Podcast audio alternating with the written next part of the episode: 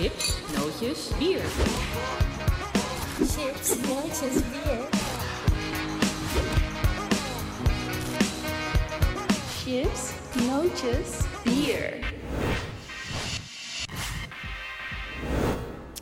Goedenavond, welkom bij Chips Nootjes Bier. Het is 9 uur en de enige kroeg van Nederland die open mag. Gaat ook open. We gaan weer een dik anderhalf uur praten met een belangrijke gast. En dit keer even iemand niet uit de politiek of uit de showbiz of cabaretketet. Nee, we hebben een vakbondsleider aan de bar zitten. En bij een vakbond denk ik aan fluitjes, petjes, slechte koffie, kleffe broodjes, kaas, eh, spandoeken, hesjes, dat werken, veel demonstreren. En dan denk je al snel aan FNV en CNV. Maar er is er nog één en dat is vakbond de Unie. En daar aan het hoofd staat de meneer die er een naam heeft alsof hij elke dag in de kroeg zit. Maar ook er een beetje uitziet alsof hij elke dag in de kroeg zit. Renier Kastelein, goeiedag.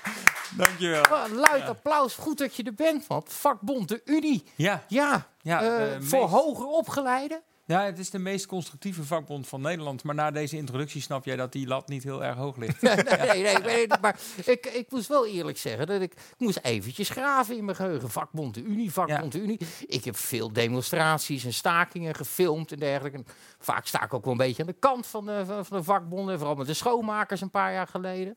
En de, de vakbond de Unie zie ik, dan zag ik nergens met, eh, met, met, pakken, met soep en eh, Nee. kopjes koffie staan. En, Nee, nee ja, we hebben ook geen leden in de schoonmaak. Eh, ehm, eh, we hebben wel schoonmakers die bij ons aan het eind van de dag het gebouw komen schoonmaken. Maar we hebben gewoon zelf geen leden in de schoonmaak. Dus we zijn ook niet betrokken bij dit soort acties. Ehm, acties waar ik overigens ook een enorme sympathie voor heb. Want ik denk dat een heel groot deel van Nederland gewoon echt te weinig betaald krijgt. Alleen, ja, daar heb ik niet mijn achterban. nee. Eh, dus daar bemoei ik me niet mee. de achterban is hoger opgeleiden. Ja, van oudsher wel. Eh, heel vroeger waren wij eh, de, de vakbond voor het eh, middelbaar en hoger personeel, met name in de Limburgse mijnen. Ja, zoals je weet zijn die al een tijdje dicht. Ja. En eh, zijn wij langzaamaan getransformeerd. En is er ooit een keer een club van banken en verzekeraars bij ons gekomen. Nou, inmiddels zijn de banken in Nederland ook allemaal bijna gesloten. Hè. Het middelbaar en hoger personeel staat sinds de afgelopen tien jaar ook bijna allemaal ontslagen. Eh, maar van oudsher hebben wij dus een, een, een DNA van eh, eh, ja, wat meer leidinggevend en zoals je dat vroeger zei, beambten en toezichthoudend personeel. Klopt het dan ook een beetje dat dat nou meestal niet het volk is wat zich heel snel aansluit bij een vakbond? Nou het is, een, het is een, eh, eh, een, een deel van de werknemers die relatief dicht bij het management of bij de directie van, van het bedrijf zit. En daardoor soms ook wat beter begrijpt welke keuzes directies maken. En dat maakt dat je ehm, ja, wat minder eh, de behoefte hebt om jezelf te organiseren als tegenkracht. Ehm, hoewel het ook gewoon goed is om in, in die regionen van oudsher wel gewoon georganiseerd te zijn. Langzaamaan zijn we wel wat meer getransformeerd en zijn we wat algemenere bond geworden. Maar ons DNA is wel anders dan ehm, eh, de traditionele vakbeweging. Ja, je noemt eh, mijnwerkers. Eh, nou, die zijn er niet meer. Eh, banken zeggen, er zijn ook tienduizenden mensen weg. Hoe lekker doe je het dan als vakbond? Nou ja, ja, nee, ja, ja, ja, ja, zo kun je er ook naar kijken. Je denkt dat het mijn schuld Ja, is. je zit bij geen stijl. Sorry. Ja, ja, nee, ja. nee, niet alleen Nee. jouw schuld, maar... Nou ja, kijk, de, de vakbeweging in Nederland die, die stelt natuurlijk niet zo heel veel voor. Als je ehm, eh, 10 miljoen werkenden hebt in Nederland, waarvan ongeveer eh, 8,5 miljoen werknemers. Ja, en de vakbeweging heeft ergens in zijn hoogtijdagen iets meer dan 2 miljoen leden gehad. En dat zijn er nu iets meer dan 1 miljoen. Ehm, eh, eh, dus ja, we kunnen doen alsof die vakbonden heel groot zijn. En er is een hele hoop eh, ophef soms en een hele hoop retoriek. Maar als je er heel eerlijk naar kijkt, eh, de markt om eh, nog vakbondje te spelen is eigenlijk heel erg groot. Want er zijn heel veel mensen niet lid. Maar het is wel veranderd, denk ik. Ja, het, het lidmaatschap is voorbij. En uiteindelijk zie je dat elk jaar het aantal cao's echt groeit. Eh, Dus eh, er zijn inmiddels 1100 cao's in Nederland. En eh, elk jaar komen daar cao's bij. Dus het belang van het werk wat wij doen wordt door heel veel mensen gezien. Alleen dat lidmaatschap van die vereniging die achter dat werk zit, ja, dat is gewoon achterhaald. En, en dat is gewoon van vroeger. Even voor ter verduidelijking. jullie bemoeien heel veel met CEO's. Jullie zitten Ja. dan aan tafel en je probeert het beste ervoor uit te halen. Ja. Ja. We gaan het er uitgebreid over hebben. Ook over KLM. Want daar heb je negen jaar gewerkt. En uiteindelijk eh, bemoei je je daar heel veel mee. Ja. Heb je ook eh, heel veel verstand van. Tenminste, dat claim je. Daar, gaan, daar gaan we het uitgebreid over hebben. Want daar hebben we veel vragen over. Ik moet alleen de chef nog even introduceren. Het Ja. is uitzonderlijk hoor. Dat hij in deze eerste vijf minuten er nog niet doorheen heeft getetterd. Maar dat geeft niet. Want we houden van zijn getetter. Dames en heren, Bart Nijman. Hallo Tom. Hallo, Kijk, ik heb een vakbondshesje aangetrokken. Ja, ja, ja. Ben jij een beetje een vakbondsman dan? Nou, nee, maar dit eh, gele hesje kreeg ik ooit van iemand toen de gele hesjes nog eh, een ding waren. En het hangt altijd aan mijn bureaustoel. Dat is handig als je autopech hebt. Of Ja, ik denk dat eh, het personeel dat liever heeft dan wanneer ik op een fluitje ga staan blazen misschien. Maar eh, Ja, ja maar zouden wij, wij journalisten, hebben, wij hebben alleen de NVJ, zeg maar. er is, er is wel een media CAO, maar wij zijn vrijgesteld van CAO wegens ons eh, beperkte Ah, vandaar. Dus zolang wij niet te groot groeien, hoef ik Renier niet te bellen voor. Want wij zijn als hoger opgeleide komen we natuurlijk wel bij de Unie uit. Als we, ik weet niet, jullie ook media? Eh, nee, nog niet. Maar eh, ik hoor dat je ambities hebt om te groeien. Ja, Nou, ja, ik ik ook. Ja. geloof dat we minimaal 50 man personeel moeten hebben. Dus Ja. we zijn, eh tellen freelancers dan mee? Eh, alleen nee, weer- ja, freelancers zijn in feite natuurlijk gewoon weer... vogelvrij. ja, Ja, ja, dat ben Ja. ik. ja. Niet Ja. om- nou, ik vind jou geen vogelvrij. Ik vind jou een vrije vogel. Dat is echt wel iets anders. Ja, klopt. Ja. Maar qua, qua, qua ZZP'erschap ben ik wel vogelvrij, kan je, kan je ja, vertellen. ja, hoor. nou ja, Bart, daar moet je dan wat aan doen. Ja. Nee, Ja, ja, Bart wij zijn, heel zijn nog voorlopig nog niet aan de, aan de CAO-drempel. eh. en ehm, om meteen even een heel slecht bruggetje te maken. De reden dat ik een beetje ongezellig Ja. en onvriendelijk met mijn laptop zit. Want het nieuws van de dag is dat, eh, aangepast, want er kwam vers van de pers. Het CDA lijkt ook een FTE kwijt te zijn. Of in ieder geval eh, de, voorman van de, van de Christelijke Vakbond. Want eh, Hugo de Jonge stapt op als lijsttrekker. Van het CDA. Ja. Ja. dus bedankt voor uw stem op Hugo de Jonge. Was uiteindelijk nergens voor nodig. Dat Nee, hele eh, geklungel met die... eh, Maar even uit waarom, want hij heeft een Nou, verklaring gegeven. Hij, ja. hij is echt, dit is echt net vers. Hè? De- Ja, dit is echt letterlijk om eh, vijf voor negen heeft hij op Twitter een verklaring gegooid. En ik lees... Fijn dat hij even rekening houdt met ons. Dat we vijf ja, nou ja, dat worden- kunnen wij. Ik bedoel, Ja, nee. kijk, normaal vroeger gingen mensen live voor het 8 uur journaal. Wilden ze op tijd voor het 8 uur journaal zijn. En tegenwoordig willen ze op tijd zijn voor chips, nootjes, bier. Ik snap dat helemaal. Zeker van meneer De Schoenen. Maar hij, nou ja, hij heeft het gewoon heel druk. Eigenlijk zegt hij eh, dat het al zijn energie en tijd vergt. En dat het eigenlijk niet zo slim is dat hij dan ook nog een lijsttrekkerschap erbij heeft. Het is te zwaar om te combineren. En eh, hij is tot de conclusie gekomen dat hij niet beide verantwoordelijkheden ten volle kan waarmaken. Eh dus de enerzijds de aanpak van de coronacrisis. En die moet voorgaan. En dus verdient de partij ook iemand die de tijd heeft om de partij te leiden. En daarom heeft hij het CDA-bestuur medegedeeld dat hij niet langer beschikbaar is voor het lijsttrekkerschap van onze partij. Nederland moet deze crisis te boven komen, dus corona, niet zijn vertrek. Eh, en daar zal ik me met alles wat ik in me heb voor blijven inzetten. Ik denk dat dit het gevolg is van het besef dat... Oh, wil je hier een proost? Ik wilde hier wel even proosten. Nou ja, maar je, om, om dan, laten we dan proosten op Pieter Omtzigt. Want de kans bestaat nu wel dat de running mate de runner-up eh, is lijkt ook me toch het meest logische. Eh, eh, ik begrijp, eh, ik zit ondertussen met de halve redactie in de vraag Slack. ik ondertussen even, Renier, wil je wat drinken, jongen? Eh, ja, doe maar lekker een glaasje spraakwater. oh, Ja. gezellig. Dat is Ja, bier. Je ziet, ziet eruit is alsof bier, je- toch? ja, nee, ja. eh, nee, het ik, is, ik, eh, ik, ik, ik vind jou meer een bako-man. eh. een bako, man. Nee, nee, nee, nee, daar heb ik... eh, Ik- nee, een, daar ik Bourgogne of een Barolo zeg ik dan weer niet, weet je. Een biertje bako, denk ik dan. Nou ja, stiekem een biertje af en toe, maar gewoon tijdens het werk. eh, en dit is natuurlijk toch ergens een beetje werk. Ehm, eh, eh, toch maar niet. Kijk, kijk. Wat zegt dat over ons werk? Eh, zeg, nou ja, dat wij het allemaal niet zo heel serieus nemen. Ziet u deze mooie mok, mensen? Ik hou hem eens even dichterbij. Hallo, hallo. Ja, die, hier, die kunt u kopen op... eh, Nu zijn we drie onderwerpen door elkaar heen aan ja, het doen. maakt niet het uit. wordt Ik een moet beetje even nu even reclame maken. Alsjeblieft, daar Dankjewel. smaakt het water helemaal goed in. Er is nog geen bericht van Bobke Hoekstra of Pieter Omtzigt. Nee, dat zou wel heel snel zijn, maar Nou ja, ik je kan je voorstellen dat die ook iets klaar hebben. Dat die ook wisten dat eh, Hugo dit ging doen. En anders is de verdeeldheid in het CDA nog erger dan we dachten. Als, als zelfs de Maar runner-up en de... Er was natuurlijk al een beetje frictie over hoe het ging bij het CDA. Ik denk Ehm, dat dit het gevolg is van eh, inderdaad misschien wel die frictie, maar ook het besef dat die coronacrisis, eh, ondanks dat Hugo graag vanaf 4 januari wil gaan vaccineren, voorlopig nog niet voorbij is. En ook voorbij de verkiezingen zal duren. En dat je dus inderdaad niet ook nog. eh, hij kreeg van de zomer natuurlijk al hoop commentaar op zijn vakantie, op zijn lijsttrekkerscampagne. En dan zou hij nu ook nog eens campagne voor de landelijke verkiezingen moeten gaan voeren. Terwijl hij ons ook uit die coronacrisis moet eh, ministeren. Ja, ik kan me wel voorstellen dat je dan het een of het ander kiest. En dat je dan niet kan zeggen, hey, zoek het lekker uit met je pandemie, want ik wil eh, de baas worden van mijn eigen clubje. Nee. Maar ja, dus eh, ik denk dat hij een beetje gedwongen wordt door de samenloop van omstandigheden. Ja, Rutte doet het wel, maar ja, die is, eh, die is en was al partijleider en is niet is als minister-president natuurlijk wel verantwoordelijk voor dit land. Maar Hugo de Jonge is, zoals Rutte het altijd zo heel slim en verstandig zegt, de coronaminister. Dus die kan, Maar- eh, ja, die. eh. Snap je zijn keuze een beetje? Is het een beetje oprecht wat jullie zegt? Ik wil, eh, ik denk heb- dat het, nou ja, ja weggaan, denkt hij als ik nog weggaan is altijd maak, oprechter dan, dan, blijven zitten natuurlijk in dit soort Nee, maar als hij heel veel fouten nog gaat maken... en dat met dat vaccineren, dat ziet er ook nog uit... dat een hele zware klus gaat worden. Elke denk- fout die hij daarin maakt, afstraalt natuurlijk rechtstreeks op CDA, omdat hij ook gezien wordt als lijsttrekker. Dat is zeker waar. En dat zal ook niet, maar dat zal niet per se minder worden. Want die corona blijft zijn verantwoordelijkheid. En hij blijft dus zeer zichtbaar als CDA-minister. Ik denk dat ze oprecht geen andere keuze hadden. Wetende dat die coronacrisis nog wel een tijdje zal duren. En dat, eh, nee, wat ik net zei, dat het gewoon niet te combineren is. En dat het besef langzaam en pijnlijk is ingedaald bij hem. En nu weet je ook meteen waarom Bob Hoekstra zich even uit die race gehouden heeft, volgens mij. Die dacht van, nou, eh, deze ronde wordt een beetje chaotisch. Kan altijd. En die is ook nog jong genoeg om eh, zijn kans eh, te, grij- te grijpen. Ja, de, de vraag is of het nu... eh, de vraag is of het nu, of het nu Pieter Omtzigt wordt of... Jij denkt Wopke misschien toch? nou ja, Pieter was de runner-up, die deed mee. Wopke deed niet mee. Die en Wopke Pieter. zou eventueel premier willen worden, mocht het CDA de grootste worden, dan wel de premier leveren onder eh, Pieter Omtzigt. Wat een ellende, eh, jongens, als je hier naar kijkt. Wat er de afgelopen anderhalve week eigenlijk gebeurt aan eh, rommel in, binnen politieke partijen. In Hm. de grootste economische crisis na de Deze- Tweede Wereldoorlog, om maar gewoon even iets erin te gooien. En dan zie je al die partijen eigenlijk alleen maar met interne aangelegenheden Ja, bezig wel. zijn. Terwijl dit land Ja. uit de crisis geholpen wordt. En los van het feit wat je van Hugo de Jonge vindt, of van het CDA, of van, van eh, D66 vandaag, of noem het allemaal op. Hè.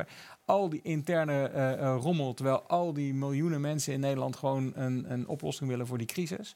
Ik vind dat wel tragisch. Eh, los van het feit dat ik ook niet een, een, een oplossing heb voor al die individuele problemen bij die partijen. En dat moet opgelost worden. Maar kom op bij dit Maar moment. dan zal ik je waarschuwen, Renier. Ehm, Ja. Het is campagnetijd, is langzaamaan begonnen. Ja. Eh, het wordt deurtopgave overal, tot en met. Ze vinden overal wat. Dat Ja. is, dat is, eh, de komende weken gaat dat echt wel het nieuws bij de politieke partijen bepalen. Je ziet het bij D66, daar komen we zo nog op. Je ziet het bij GroenLinks, je ziet het bij Forum. Je ziet het nu bij het CDA. Dat, ja, maar dit, is wat, een beetje de wat, wat tijd... Renier eh, zegt is toch ook wel inderdaad, we willen op dit moment niks anders dan een beetje strakke richting. Mensen weten niet waar ze aan toe zijn, er is grote onzekerheid. Hoe gaat de economie het houden? Eh, is dat vaccineren, moet dat nou met hoge spoed of moeten we liever iets meer geduld hebben om zeker te weten wat er in je lijf gespoord wordt? Hoeveel mensen gaan het doen? Hoe groot wordt de weerstand tegen nieuwe maatregelen als die er komen? De kerst wordt doodsaai en, en vervelend. Eh, je kan vrezen dat met oud en nieuw jongeren denken: fuck it, we gaan toch eh, een puinhoop maken Ja. op straat. Eh, hoe lang blijven die kroegen nog dicht? Wat blijft er over van die sector? Hoe gaat het met de luchtvaart? Waarom jij hier natuurlijk zit, waar we vanavond nog uitgebreid over gaan praten. En dan op dat moment zien dat je bij de F, dat je eerst het FVD ziet imploderen. En vervolgens zie je bij D66 vandaag een groot schandaal boven, boven borrelen. En nu gaat de jongen weer weg. Nou, dit is. Dit hoeft Als dat op- lukt, hè. Dat is natuurlijk veel mislukt de afgelopen maanden bij hem. Ik hoop dat het hem lukt om op te stappen. ik bedoel, het zou Hugo de, zomaar... Hugo de Jonge Ja. kan wel wat, hoorde Ja. ik Prit Ja. net al zeggen. Ja. Dus, ja, eh, ja, ja, ja, maar hij- Ja. Hij heeft de perfecte schoen om op te stappen. Ik denk dat dit overigens-. Qua, qua, Ja. rel, eh, qua, qua relpotentie is dit natuurlijk niet zo heel groot. Want dit is gewoon iemand die volgens mij een verstandige beslissing neemt. Ja. Al dan niet onder druk eh, tot stand gekomen. En als het goed is, is het CDA hier wel een beetje voorbereid. Want ze hebben natuurlijk omzicht. Die won eigenlijk ook 50% van de stemmen. Dus je kan hem vrij makkelijk... eh, morgen is er een virtueel partijcongres eh, van het CDA. Dat is toevallig morgen, geloof ik. Morgen of overmorgen. En eh, ik neem aan dat het dan uitgebreid aan de orde zal komen. En dat ze daarom deze timing kiezen. Dat ze dan wel meteen een antwoord paraat hebben. Dus dat na het weekend alles weer een beetje kalmeert. Ja. Maar ja, goed, nog steeds blijft het. ja, het is, het is voor iedereen is het een puinhoop van een jaar. En als dan degene die je daar een beetje doorheen moeten trekken, zich ook nog gaan, gaan gedragen alsof ze op een schoolplein ruzie aan het maken zijn, dan. Ja, daar worden we allemaal niet veel rustiger van. Maar goed, wij hebben, wij laten hebben we- het laten we vermaak. doorgaan naar eh, het volgende nieuws van de dag. Wat we eigenlijk hadden bepaald als nieuws van de dag. Eh, in het verlengde van dit, eh, ook gedonder. Bij D66, daar hebben ze, ze waren een MeToo die al een tijdje speelt. Aan de haak geslagen. En Bart, ik heb er een instartje van. Wil je een klein beetje even inleiden voordat we Ja, de reactie en van laten mevrouw we, Kaag laten we deze ook met het oog op dat we niet te lang in dit soort dingen blijven hangen, even kort houden. Maar er kwam eh, vanmorgen kregen wij een, een, een anoniem geschreven artikel eh, binnen. Dat stond online ergens, waarin eh best wel forse beschuldigingen gedaan werden aan het, aan het adres van Frans van Drimmelen, die oud-campagneleider van Alexander Pechtold is en ook nog steeds een belangrijk adviseur bij D66. Ook van de Kaag-campagne nu. En die zou allerlei MeToo'tjes op zijn naam hebben. En er werden namen en toenamen genoemd, ook van Kamerleden en Europarlementariërs, kandidaat-Europarlementariërs, is het nooit geworden. Eh, en daar zou eh, met de mantel der liefde zijn bedekt en er zouden mensen zijn weggepromoveerd. Kortom, een hele rel en toestand.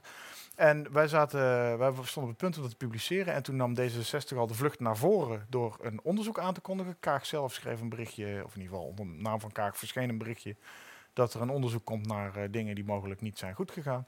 En ja, eh, de dag is een paar uur verder eh, vervolgens, na, dat was tegen de middag. En een paar uur verder hebben alle kranten weten eigenlijk dat het eigenlijk al jaren aan de gang is. En we hebben ook een beetje rondgebeld. En nou ja, het is net alsof eh, sinds Pechtold vertrokken is er een soort schrikbewind is langzaam is weggewaaid. En iedere D66 waar even aan schudt, daar komen allemaal verhalen uit over hoe de congressen als vleeskeuring werden gezien, hoe die van Drimmelen overal bij eh, aanwezig was, hoe het toch wel heel opvallend is dat Kamerleden eh, zoals Kees Verhoeven en uh, Tjeerd de Groot allemaal hele mooie fractiemedewerker meisjes hebben en dat dat toch allemaal een beetje op rare manieren gaat. En nou ja, dat, dat, dat lijkt een enorme stop uit een, uh, uit een, uit een lang uh, onder, ondergehouden verhaal getrokken te zijn. En ik denk dat we daar het laatste niet van gehoord hebben.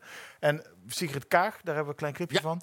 Die leek uh, enigszins overdonderd en beweert dat, ze, dat dit één casus is waar ze niet alles van wist. Misschien kunnen we het clipje even ja. starten? Eén startje, één alsjeblieft. Ik ben bij mijn aantreden uh, begin januari heb ik gevraagd of er nog uh, zaken speelden waarvan ik wellicht moest weten. Toen is mij geïnformeerd dat er een casus was onderzocht een aantal jaren geleden. Was dat deze casus? Um, dat kan deze casus zijn dat er een casus was uh, van een aantal jaren geleden. Die was afgerond in samenspraak tussen de betrokken partijen en dat het goed was onderzocht en afgerond. Maar het bericht van gisteravond geeft mij te denken, en ik heb dus in overleg ook met het partijvoorzitter gezegd, er moet een extern onderzoek komen. Er gaat nu een bericht uit ook naar de vereniging. In haar brief schrijft ze ook, het is algemeen bekend dat een aantal Tweede Kamerleden, oud-partijleiders en machtige strategen achter deze leiders zich veelvuldig storten op stagiaires en vrouwen met ambitie binnen de partij. Dus het gaat verder dan alleen deze persoon. Het wordt gesteld in de brief en daarom is het belangrijk dat er een onafhankelijk onderzoek komt. Maar heeft u daar ik nooit van gehoord? Dit, uh, ik herken dit beeld absoluut niet. Maar wat je zelf niet herkent, dat wil niet zeggen dat het een ander niet per se overkomt. Maar Dit is er zijn- nooit iemand naar u toegekomen? Ik heb, niemand heeft mij benaderd, maar daarom is het zo belangrijk dat ik zeg dat ik een oproep heb gedaan. Als er iets is, meld je aan. Er is een integriteitssysteem. We hebben, eh, in- we hebben personen in het hele land binnen de partij waar men zich ook kan melden. En nu ook via dat onafhankelijk bureau. Ja, eh, hier gebeuren twee hele interessante dingen. Het eerste is dat zij eh, probeert om deze casus, waar ze zogenaamd in januari over ingelicht zou zijn, heel klein te houden en beperkt te houden tot één casus, één dingetje. Dus het is één persoon die heeft wat dingen op, op zijn naam. Ik denk dat je daar niet in moet tuinen, want eh, de verhalen die vandaag al rondgaan en die ook wij met een beetje rondbellen boven kregen, is dus dat het veel breder zit, dat het veel verder gaat. Van Pechtold is natuurlijk ook een beetje algemeen bekend dat hij zijn hengeltje overal in hing. Eh, vraag maar aan Anne Lok, maar niet alleen aan haar. Ook het Wasila Hachi-gerucht kwam weer veelvuldig boven. Dat zij vertrokken is destijds omdat een relatie met Pechtold misgelopen was. En hij ook nog in een scheiding en een huwelijk. En nou goed, het is allemaal één grote... Het is heel liberaal bij de D66. En eh, anderzijds denk ik dat Kaag... eh, en ik denk ook dat ze een beetje jokt dat dit allemaal nieuw is voor haar. Want er zijn ook al eh, verhalen opgedoken over dat die man... die loopt natuurlijk al 14, 15 jaar bij de partij rond. Maar zij loopt ook al sinds 2017 in Den Haag op borrels rond om een beetje gefeteerd en ingewerkt te worden, et cetera. En om minister te zijn, of ze is minister sinds 2017 natuurlijk. Ze kent die man echt al langer dan vandaag. Ze heeft niet in januari pas hier iets over gehoord. Aan de andere kant denk ik ook dat zij, we hebben natuurlijk Jette als tussenpaus gehad, eh, dat sinds Pechtold's vertrek de lucht een beetje geklaard is binnen D66. En Kaag wordt neergezet als de vrouw die vrouwen-empowerment, et cetera, echt al hoog op de agenda wil zetten. Zij wil eerst de vrouwelijke premier worden en zo. En dat ze daarmee ook mensen en vrouwen in het bijzonder een beetje de ruimte en de macht geeft om te zeggen van fuck it, ik kom naar buiten met dit verhaal. En dat het misschien wel, en eh, nu ben, leg ik het het meest gunstig uit, maar dat het misschien wel goed opgepakt wordt door, eh, door Kaag en dat zo'n onderzoek ook daadwerkelijk ergens toe leidt. Maar daar zou ik mijn adem nog niet voor inhouden. Ik denk dat ze het zo klein mogelijk gaan maken. Die van Drimmelen die gaat voor het weekend al wieberen. Die is bij zijn eigen kantoor waar die particulier werkt al eh, buiten gezet. Eh, ja, hij heeft drie compagnons, een of ander adviesbureau of lobbykantoor. En eh, die hebben met drieën ondertekend. Hij gaat weg en eh, hij is het daarmee eens. Met andere woorden, oprotten en eh, anders dan, or else we'll make you. Een soort van schuldbekentenis. Ja. Maar Renier zegt hij net tijdens dat we dat clipje draaien van eh elkaar komt hier eh, voor haar doen, want ze zit nogal krampachtig in die campagne, heel menselijk over. Ja, voor het eerste, eh, ik vind dat het, het is allemaal zo gemaakt. Hè, en ik vind er ook zo, zo op een bepaalde manier heel erg de best doen om te buigen naar het Nederlandse volk. Van kijk, ik snap jullie ook. En dit komt nu echt voor het eerst voor mij eh, redelijk menselijk over. En ik denk van, er zit wel echt wat, ehm, eh, echt een mens in. Kun je vervolgens wat van vinden van de inhoud zoals jij die allemaal duidt. Maar zoals ze nu eigenlijk in de uitstraling zit, denk ik, eh, ja, als je zo af en toe wat vaker gewoon ook in je non-verbaal zit. Ik zal niet liegen. Ik, ben op zoek als ik zo'n uitspraak zie naar de meest cynische uitleg van hoe goed getraind is het. Zitten Ja. hier herhaalwoordjes in die ze heeft ingeprent, ja, dat ingestudeerd. was dit niet. en dat zit hier niet echt Nee, in. Het behalve lijkt de handjes, eh, voor de rest Ja, oké, eh, maar gewoon zeggen van ik herken dit niet. Maar dat wil niet zeggen dat als ik het niet Dat- herken, dat dat zijn dingen. Meestal dat is een hele sterke zin. ja. politieke partijen of welke organisaties eindigen altijd. Wij herkennen ons hier niet in. Dan punt. En we betreuren de ontstaande Ja. ophef. ja, Ja, eh, ja, vooral de ophef, ver, verre van ons. Die, Ja, eh, die ja, ook nog. ja. Ja. En dat doet ze hier niet. En dat vind ik ja, eh, voor het eerst eindelijk een beetje eh, eh, wat, eh, wat warmte. Maar de vraag is natuurlijk wel, gaat dit eh, eh, gebeuren? eh, de documentaire halen die de NPO eh Nee, maar die is al gemaakt? af. Die is al af. Volgens mij is die al af. Die, wordt, die is aangekondigd om te worden uitgezonden in januari. Dus ik neem aan dat die, dat nee, die al klaar dat is. er niet meer bij? Nou ja, je mag hopen van wel dat ze er nog even een, een soort van eh, editor's cut van maken, director's cut van maken om dit er nog... eh, Maar je verwacht eigenlijk dat die, eh, die, die, die stop die er is uitgetrokken, waar jij het over heeft, dat, eh, dat daar meer verhalen naar boven gaan Nou ja, dat merk je nu al, dat de geruchtenmolen die begint als een malle te draaien. En wat mij ook heel erg opviel in de media is dat in de parlementaire pers, de- toen wij het vanmorgen binnenkregen, kreeg ik er al meteen bij verteld, dit is in Den Haag al jaren bekend. En eh, nou komen wij daar niet zo vaak, behalve jij op dinsdag bij de patatbalie. Dus, maar als zelfs eh, na een klein rondje bellen die geruchtenmolen draait en ons, als zelfs wij al die dingen al krijgen van een partij waar we niet echt nauwe banden mee hebben, dan denk ik dat de bodem hiervan nog niet in beeld is. En ook dat die beschuldigingen zo specifiek zijn over stagiaires en namen die genoemd zijn van, van betrokken eh, dames op verschillende niveaus. Dus van kamerlijst tot partijbestuur. En dat er een cordon sanitair zou zijn. En oud-partijvoorzitter heeft al gezegd dat er destijds een contactverbod wegens stalking was. Ja, dat zijn niet de minste dingen. Dat is door de politie is dat Krijg opgelegd. je niet zo snel hoor. Nee, dat is door de politie opgelegd. En daar is dus en Tom de Graaf is daarbij betrokken geweest. Die is nu weer de baas van de Raad van State. Dus dit is als je als je deep state complotten wil, eh, wil dan moet je deze casus eh, van dichtbij gaan volgen. een klacht van stalking aan, aan mijn broek gehad. En ik heb echt bij mensen uren voor aan de deur gestaan eh, om, om een quote te krijgen. Ja, maar als je een perspas op je heup draagt, dan kom je met een stuk meer dingen weg. Nou, ik heb eh. wel één keer gehad met dat spookraadslid uit Amersfoort, die Turkse man. Daar heeft zo vaak aan de deur gestaan dat op een gegeven moment de politie kwam en zei... Je moet echt oppassen dat dit geen stalking wordt, zei hij. Stond ook wel een beetje aan onze kant. Zullen we hem afkappen Ja, en zullen nu, we eh, met ja. eh, Renier gaan praten over KLM? Onze blauwe trots. Ja. Zeg ik dat goed zo? Eh, ja, ja, ik werk natuurlijk inmiddels bij de Unie. Dat is ook eh, blauw, hè? Unie blauw, dus daar zit ook al wat trots. Maar eh, ehm, laten we het vooral hebben over, over de KLM. Maar daar maak jij je heel hard voor. Je hebt Ja, negen jaar voor KLM gewerkt. Ja ik heb alles, bij elkaar heb ik twaalf jaar in de 12. luchtvaart gewerkt. Ik ben begonnen bij Transavia, natuurlijk een dochter Ja. van KLM. En daarna ben ik in, ehm, eh, wat is het, eh, 2004 ben ik naar de KLM gegaan. En in 2012 ben ik naar de Unie gegaan. Dus ik heb acht jaar voor de KLM gewerkt. En ben daar geëindigd als eh purser. Wat doet een purser? Ehm, ja, dan ehm, eh, eh, geef je leiding eh, aan het cabinepersoneel. En, De dat, eh, stewardessen? ehm, eh, eh, ja, ook. Ja, ja, dus nee, cabinepersoneel, ja, daar zijn ja, stewardessen en, stralen. Ja, nee, het, het is een hele leuke baan geweest. Laat ik het daarop houden. Ja. Ja, veel gezien van de wereld. Je het toch over je MeToo'tjes gehad? Ja, ja. Ja, Ja. die kunnen live in de comments of zo. Nee, nee, dat zou, dat zou een, een, een, een flauw einde zijn. Als Nee, je de nummer nog maar hebt. Echt, ja. Oké, dan is het goed. Nee, nee, nee, ehm, eh, eh, eh, daar heb ik met heel veel plezier gewerkt. En, en misschien is het, het, ehm, het werk die eerste jaren bij Transavia, wat toch gewoon echt een ander bedrijf is, misschien nog wel leuker geweest. Want toen was ik ook, echt heel jong. En, en werd ik, dat is ook wel een vakbondsverhaal. Ik ben natuurlijk geronseld om ooit een keer lid te worden van die vakbond, omdat je dat in de luchtvaart nou heel erg hebt. En dan was er een vakbond die moest mij gaan vertellen dat mijn werkgever het zo slecht voor elkaar had voor mij. Terwijl ik gewoon daar hartstikke jong was en die hele zomer daar met alleen maar leuke jonge eh, vrouwelijke collega's werkte. En dacht, ja, zo slecht is het eigenlijk niet geregeld. Dus dat was best wel een, eh, een spanning. Ik ben nooit een hele boze vakbondsjongen ervan geworden van dit Nee. werk, zeg maar. Eh, maar wel gepassioneerd over de inhoud van mijn werk. Wel gepassioneerd. Ja. De politicus Ja. zit er ook wel een beetje in. Hè? Nou, nee, ik heb gewoon plezier in mijn werk. Eh, wel eh, goed. ja, nou ja, goed, er is natuurlijk veel te doen over KLM. Hè. Eh, ja. Er gebeurt niet heel veel, er wordt niet heel veel gevlogen. De, heel veel mensen zitten thuis, piloten zitten thuis. Ja. De, de boel moet overeind gehouden worden, of niet? Ja. Ja, nou ja, kijk, over KLM is natuurlijk altijd veel te doen. Het is gewoon een van de Mhm. belangrijkste werkgevers van, van Nederland, een van de grootste. En ehm, eh, wat je ziet is dat ehm, eh, die, die coronacrisis natuurlijk gewoon enorm hard heeft ingegrepen in de hele economie. Eh, maar dat het, het beeld van de KLM gewoon beter plakt op, eh, eh, op televisie dan het beeld van een individuele kroeg. Ergens om de hoek. En eh, ik denk dat het leed voor iedereen even groot is. Als ik alleen al kijk bijvoorbeeld in de, in de catering, daar denkt helemaal niemand over na. Maar al die mensen die thuiswerken, wat overigens maar de helft van Nederland is, want alle verwarmingsmonteurs zijn gewoon overal aan het werk geweest de afgelopen eh, half jaar. Maar iedereen die thuiswerkt, komt niet meer op kantoor. En dat betekent dat die contractketeraars allemaal hun werk kwijtraken in al die kantoren. Dus daar zijn veel meer ontslagen gevallen tot nu toe dan bij de hele KLM. Maar de KLM zelf is natuurlijk gewoon wel een hele belangrijke eh, speler in die Nederlandse economie.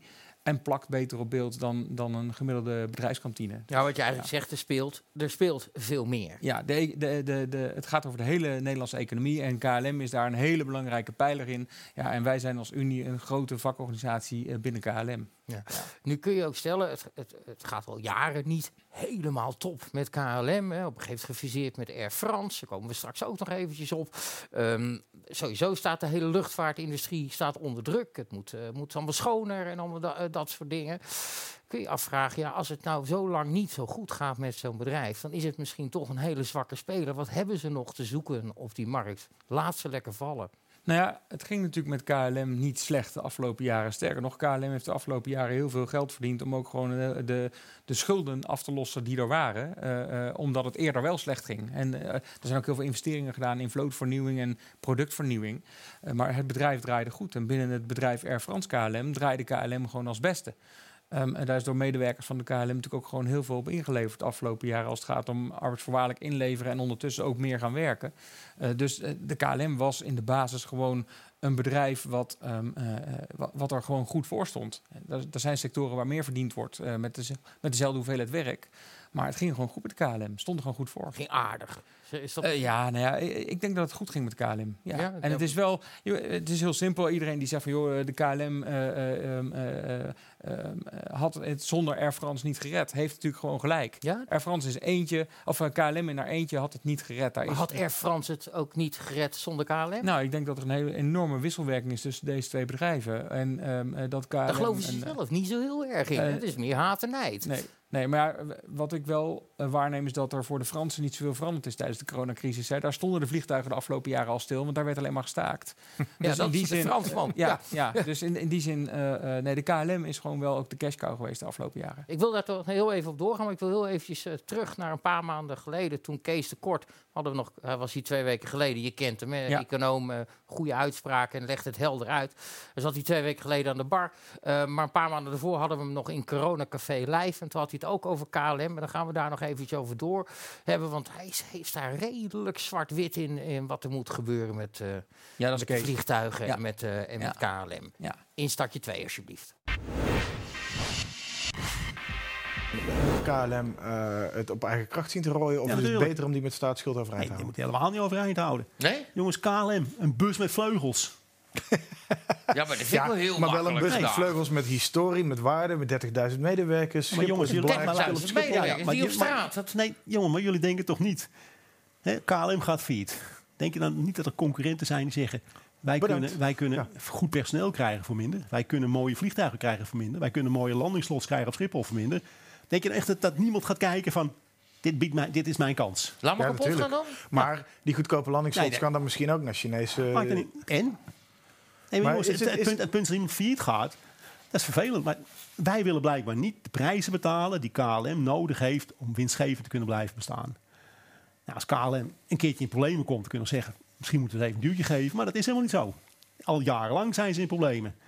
En weet je, wat, wat is nou... Ja, Schiphol gaat... Is KLM is helemaal niet belangrijk. Is nu belangrijk voor Schiphol? Nee. Maar dan komen er andere bedrijven die zeggen... Dit, dit, is dit, dit geweldige kans voor ons.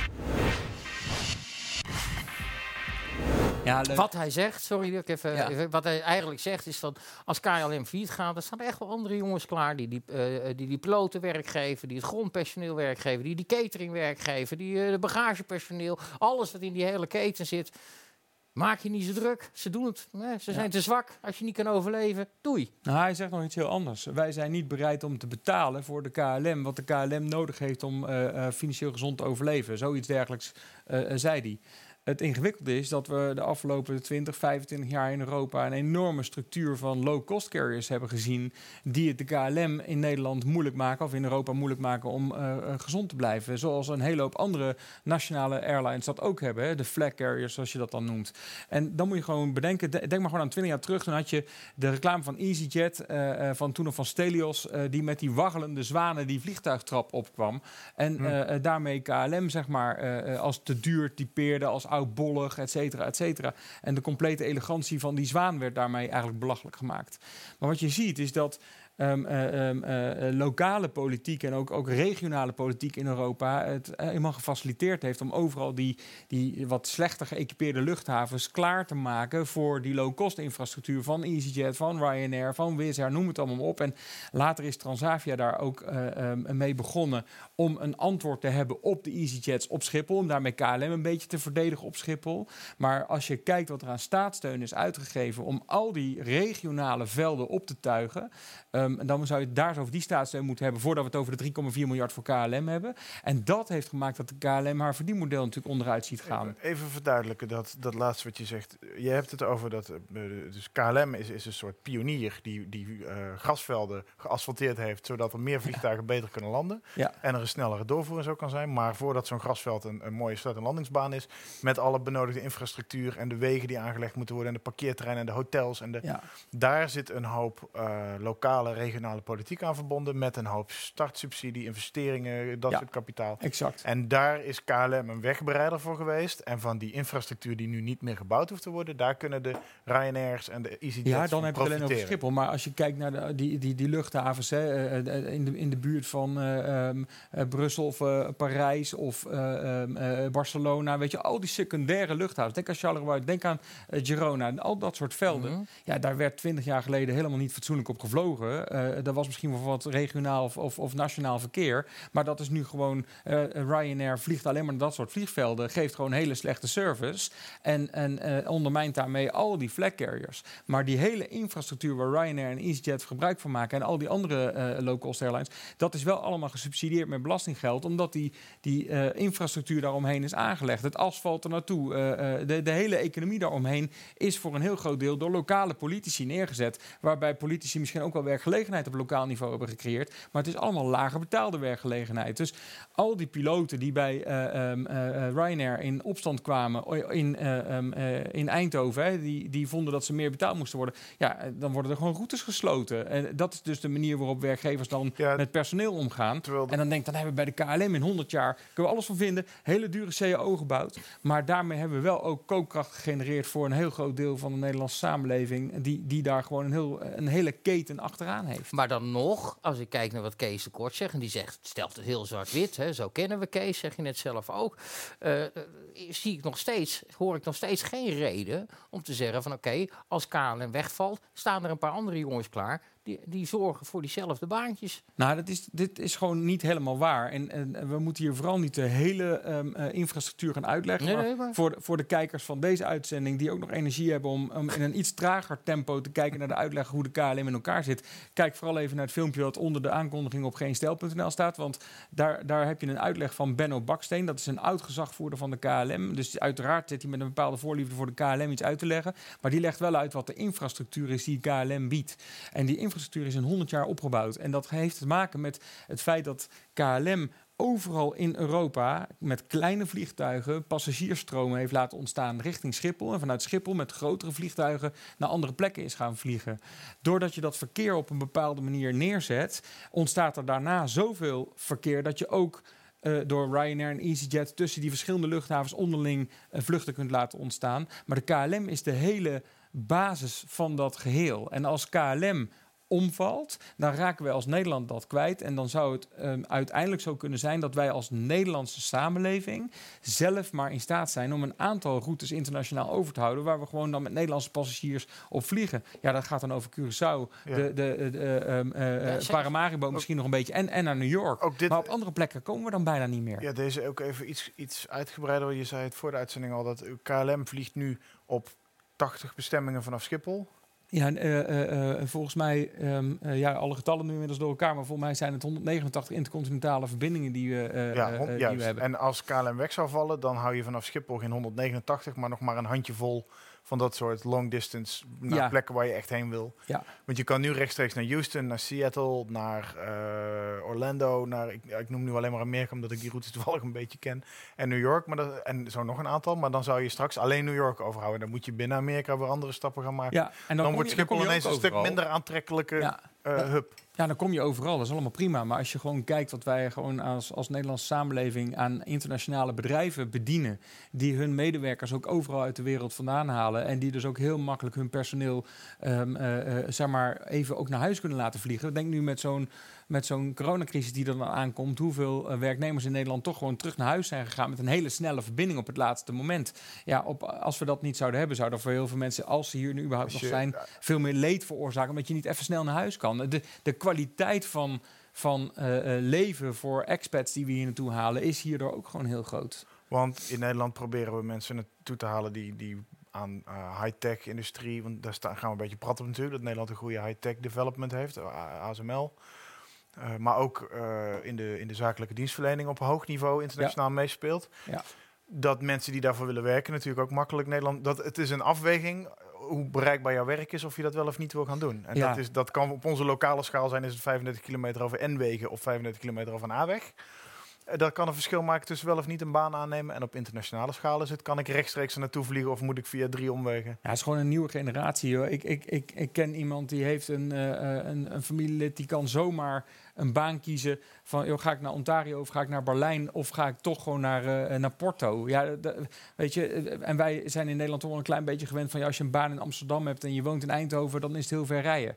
Ehm, eh, eh, Nou, dat de afstand komt- is niet zo ver. De files ertussen ja, vertragen vooral de die. boel. ja, nee, maar die, nou, dat is nu, dan gelu- nu gelukkig wat minder. Maar de- als je, als je, dat is dan het enige voordeel van, van al die nadelen. Intercity het ook in een Nee, maar anderhalf even uur in, in alle eenvoud. Wij eh, denken in Nederland heel erg in dat soort kleine afstanden. Maar er komt een nieuwe generatie op de arbeidsmarkt. Die kan gewoon dadelijk overal werken. En willen wij Nee. daar een onderdeel van zijn? Ja, nou ja, je ziet het nu al. Ja. Dus ik ken mensen die drie dagen per week in Londen werken. En, exact. en in die drie dagen gewoon 's ochtends om zeven uur het vliegtuig instappen. Om zeven uur aankomen Ja. daar. Om acht uur in de binnenstad zijn. En om negen uur s'avonds het vliegtuig weer terugpakken. Dus ja, Ja. dat, dat gaat snel. Ja, Ja. Dat klopt. Maar eh, of dat slim is, dat is een andere vraag. Jij zegt overeind houden.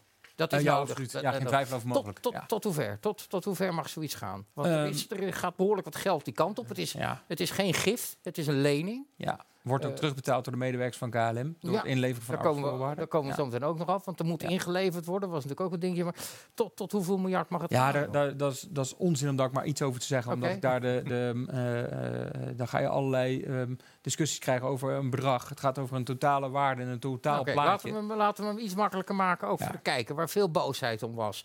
Het, ook de piloten moeten inleveren. 20% als ik het Ja. goed had begrepen. Ja. Klonk mij redelijk plausibel en eerlijk in de oren. Ja, ja ik, ehm, ehm, ik begrijp dat er een beeld is dat eh, de KLM'er over het algemeen veel verdient. Ehm, ik denk dat eh, de KLM-CEO een hele mooie CEO is, waardoor medewerkers ook in staat zijn om gewoon wat meer te verdienen. Eh, het, het verkeerde beeld wat er continu van piloten geschetst wordt, is dat zij het altijd doen met mooiere vrouwen dan de vrouw waar ze mee getrouwd zijn en dat ze verder alleen maar aan het golven zijn. Ehm, eh, maar dit zijn mag je voor mij best wat extra's verdienen, maar Nee, maar ik vind de- deze mannen hebben natuurlijk gewoon enorm geïnvesteerd in een, in een opleiding. En eh, hebben daar ook risico's mee gelopen. Om, ja, ze, hè, moeten, om- ze moeten ja. met drie, vier ton lenen en dat moet de- terug. En- nou, misschien is het iets minder, maar dan nog. Hè, ze moeten echt wel geld lenen om ook gewoon hun, eh, hun opleiding te faciliteren. Dat hoeft een, een gemiddelde student in Nederland, die moet inmiddels ook lenen. Maar jarenlang is dat me- wat minder geweest. Hè. Ehm, eh, en die piloten hebben gewoon een commitment afgegeven in hun carrière. Want ik los die schuld af en ik ga daarna aan de gang. Ehm, los daarvan, 20% salaris inleveren, ehm, eh, dan kun je nog zoveel verdienen. Je hebt ook gewoon je verplichtingen daaromheen. ja, ja, Dus nee, ik vind rukzichtloos bij een, een bepaalde groep mensen 20% afpakken, vind ik sowieso verkeerd. Ehm, eh, ik denk wel dat de KLM'er met al die vakbonden die er bij de KLM rondlopen, eh, de afgelopen decennia continu bewezen heeft ook bereid te zijn om loon in te leveren, tijdelijk, structureel of harder te werken of wat dan ook. En dan denk maar aan de Golfoorlog, de Tweede Golfoorlog, denk aan SARS, denk aan 9-11, denk aan al dat situaties, dat soort situaties waar de KLM continu weer in staat was om te overleven. Eh, weliswaar uiteindelijk dan met een fusie met Air France, omdat het alleen niet meer ging. Maar het personeel heeft daar continu een bijdrage in geleverd. Ook de afgelopen jaren om miljarden af te lossen op die schulden die er waren. En het personeel heeft de afgelopen jaren veel meer geleverd dan bij Air France. Oké, twee dingen. Want we gaan, komen ook nog uitgebreid over die eh, relatie met Air France eh, te spreken. Er zijn advoca advocaten, die ook. Maar er zijn piloten die meer verdienen dan onze minister-president. Ja, Ja, Eh, dan is 20% heel veel. Als we dan ook nog eens kijken naar de toekomst, waar aan alle kanten vanuit de politiek druk wordt gezegd eh, dat er op een andere manier gevlogen moet worden, moet minder gevlogen worden, er moet meer betaald worden, meer tax, vliegtax en dergelijke. Hoe reëel is het dan om, om, om niet akkoord te gaan met zo'n loonsverlaging? Plus het geld wat je niet krijgt, maar mag lenen, waar, eh, waar banken garant voor staan en de staat eh, garant voor staat. Plus het feit dat de, dat de, de hele vliegtuigbranche gaat veranderen de komende jaren. Nou, waar het om gaat, en dat is een andere, het gaat om ehm, eh, eh, de eis vanuit de overheid dat er wordt ingegrepen in die CAO en dat er ook wordt aangewezen door de overheid welke populatie dan moet gaan betalen. En we kunnen het hebben alleen over die piloten, maar wat, eh, wat het kabinet eigenlijk deed is zeggen dat elke KLM'er vanaf modaal moest gaan inleveren. Dus de, de, eh, we kunnen dit gesprek alleen laten voeren over die piloten, maar het gaat over alle KLM'ers vanaf modaal. En er zijn maar 1200 eh, KLM'ers volgens mij eh, bleek toen eh, dat de- die, die onder modaal verdienden. Dus van al die andere... 1200 met de- 1200. Oh, die- 1200. Oké, Ja. sorry. Wat, wa- wa- nee, 1200 KLM'ers van de eh, ruim 30.000 eh, toen de crisis begon. Die ondermodel verdienen. Ondermodaal eh, eh, verdienen. Dus KLM is dus een uitstekende werkgever. ja, de KLM is een hele goede werkgever. Mede dankzij de vakbeweging van de afgelopen 100 jaar. Eh, nou ja, Nee, inderdaad. ah, wil je nog een beetje water? Ja, lekker. Ja, ja, ik zei spraakwater. Komt altijd goed. Nee, maar de- dus eh, ehm, eh, vanaf modaal inleveren was de eis. Ja, dat vind ik waanzinnig. Eh, zeker ook ehm, eh, omdat de minister zei dat hij met het redden van de KLM één dominosteen in een hele rij ging redden. Ik Grappig jou dat je dat een- zegt. Ja. Want maak jij even het bruggetje naar ons volgende instartje. Ja. Mag je heel even op adem komen? Want je zit er goed in. Doe Altijd. je hartstikke goed hoor. Ja. Wat- wat. Kijken wij heel eventjes naar instartje 3. En dat is met Wopke Hoekstra. Waarom hij de KLM wil redden met dit steunpakket. Daarom hierbij melden dat het kabinet voornemens is om tussen de 2 en 4 miljard euro aan financiële steun aan KLM te verlenen. De precieze vorm en de omvang werken we op dit moment nog nader uit. Maar u moet daarbij denken aan een garantstelling en aan leningen. Waarom is de steun voor KLM nou zo van belang? Je kan het eigenlijk zien als de eerste domino- dominosteen aan het begin van een lange rij. Als KLM omvalt, dan heeft dat niet alleen gevolgen voor het bedrijf en het personeel zelf, maar voor alle steentjes die er ook daarna nog komen. Voor Schiphol, voor de laders en lossers, voor de hoofdkantoren die we in Nederland hebben, voor distributiecentra, voor toerisme en congressen en allerlei soorten handel. En allemaal sectoren die veel baat hebben bij de goede verbindingen die we in Nederland hebben. Door te voorkomen dat KLM omvalt, voorkomen we dat een hele rij kleine en grotere bouwstenen van onze economie en van onze maatschappij in grote problemen komen. Als KLM omvalt, heeft dat direct effect op de luchthaven Schiphol. Van de kioskmedewerker op Schiphol Plaza tot de monteurs bij de bagagebank. Band. Het heeft ook gevolgen voor de bedrijvigheid die aan Schiphol verbonden is. En heeft daarmee onmiddellijk gevolgen voor de aantrekkelijkheid van onze infrastructuur. En daarmee voor banen in allerlei sectoren. En voor de keuze van bedrijven om zich hier te vestigen of hier handel te drijven. Vlieguren maken. Hè? Wopke Hoekstra, eh, twee quotes uit twee verschillende persco's. Waarom hij het zo belangrijk vindt om KLM te redden. En daarmee eigenlijk niet alleen KLM red, eh, redt. Dat zet hij je net zelf al voor. Leg Ja. het eens verder uit. Nou ja, wat ik, wat ik zie is dat de minister hier de keuze maakt om KLM te redden. Om daarmee een hele keten van bedrijven te redden. Er zijn mensen die zeggen, dat- je het dan over ongeveer 114.000 banen hebt. Nou, laten we ervan uitgaan dat in ieder geval ehm, eh, het gemiddelde van deze banen eh, modaal betaald wordt. Anders heb je nooit ergens de term modaal. Dus op zijn mi- op zijn minst zou de, de, de helft van deze 114.000 mensen mee moeten eh, betalen. Ehm, eh, maar als je daarna ook nog bovenmodaal mensen wil laten inleveren, dan gaat het gewoon om een heel groot deel van die mensen. Dus als je die hele sector redt, die hele keten, waarom betaalt dan alleen de KLM'er? Daar begrijp ik helemaal niks van. En wat ik geprobeerd heb de afgelopen maanden, en, en, eh, misschien moeten we het ook nog hebben over de invloed die de vakbonden dan nog hebben in de media, want dat is natuurlijk ook gewoon minder. nog. Ja, maar eh, weet je, ik heb ook gewoon, ik heb letterlijk voor de camera van de NOS gestaan. Daar heb ik het ook gewoon echt een item opgenomen voor de verkeerstoren. Want ook de verkeerstoren, al die verkeersleiders, die verdienen echt wel in de, eh, in de, in de range van een ministersalaris. Die verkeerstoren worden ook gewoon gered. Ja, de toren zelf zal wel blijven staan als, ze- als ze stoppen met vliegen, maar je snapt wat ik bedoel. En die medewerkers die hoeven niet in te leveren. Daar heb ik gewoon niets van begrepen. Los van het feit dat ik vind dat als je vindt dat hogere inkomens zwaarder belast moeten worden, dan doe je dat democratisch gemandateerd via Tweede Kamerverkiezingen. En dan heb je daarna een regeringscoalitie die uiteindelijk dan gewoon belastingen verhoogt. En dan kun je alles wat boven modaal verdient zwaarder belasten om deze hele crisis terug te betalen. Er zijn 2,2 miljoen mensen die corona salarissteun hebben ontvangen de afgelopen maanden en nog steeds krijgen. En er is één populatie aangewezen om alvast een deel van de honderden miljarden die we uitgeven de komende tijd eh, en de afgelopen tijd om die terug te betalen, dat is de KLM. Daar begrijp ik dus helemaal niks van. Dat het bedrijf goedkoper moet worden om winstgevend te kunnen zijn in de concurrentiestrijd die er na de crisis is, daar is het personeel zelf wel toe in staat om die conclusie te trekken met die vakbonden. Dat deden we al 100 jaar.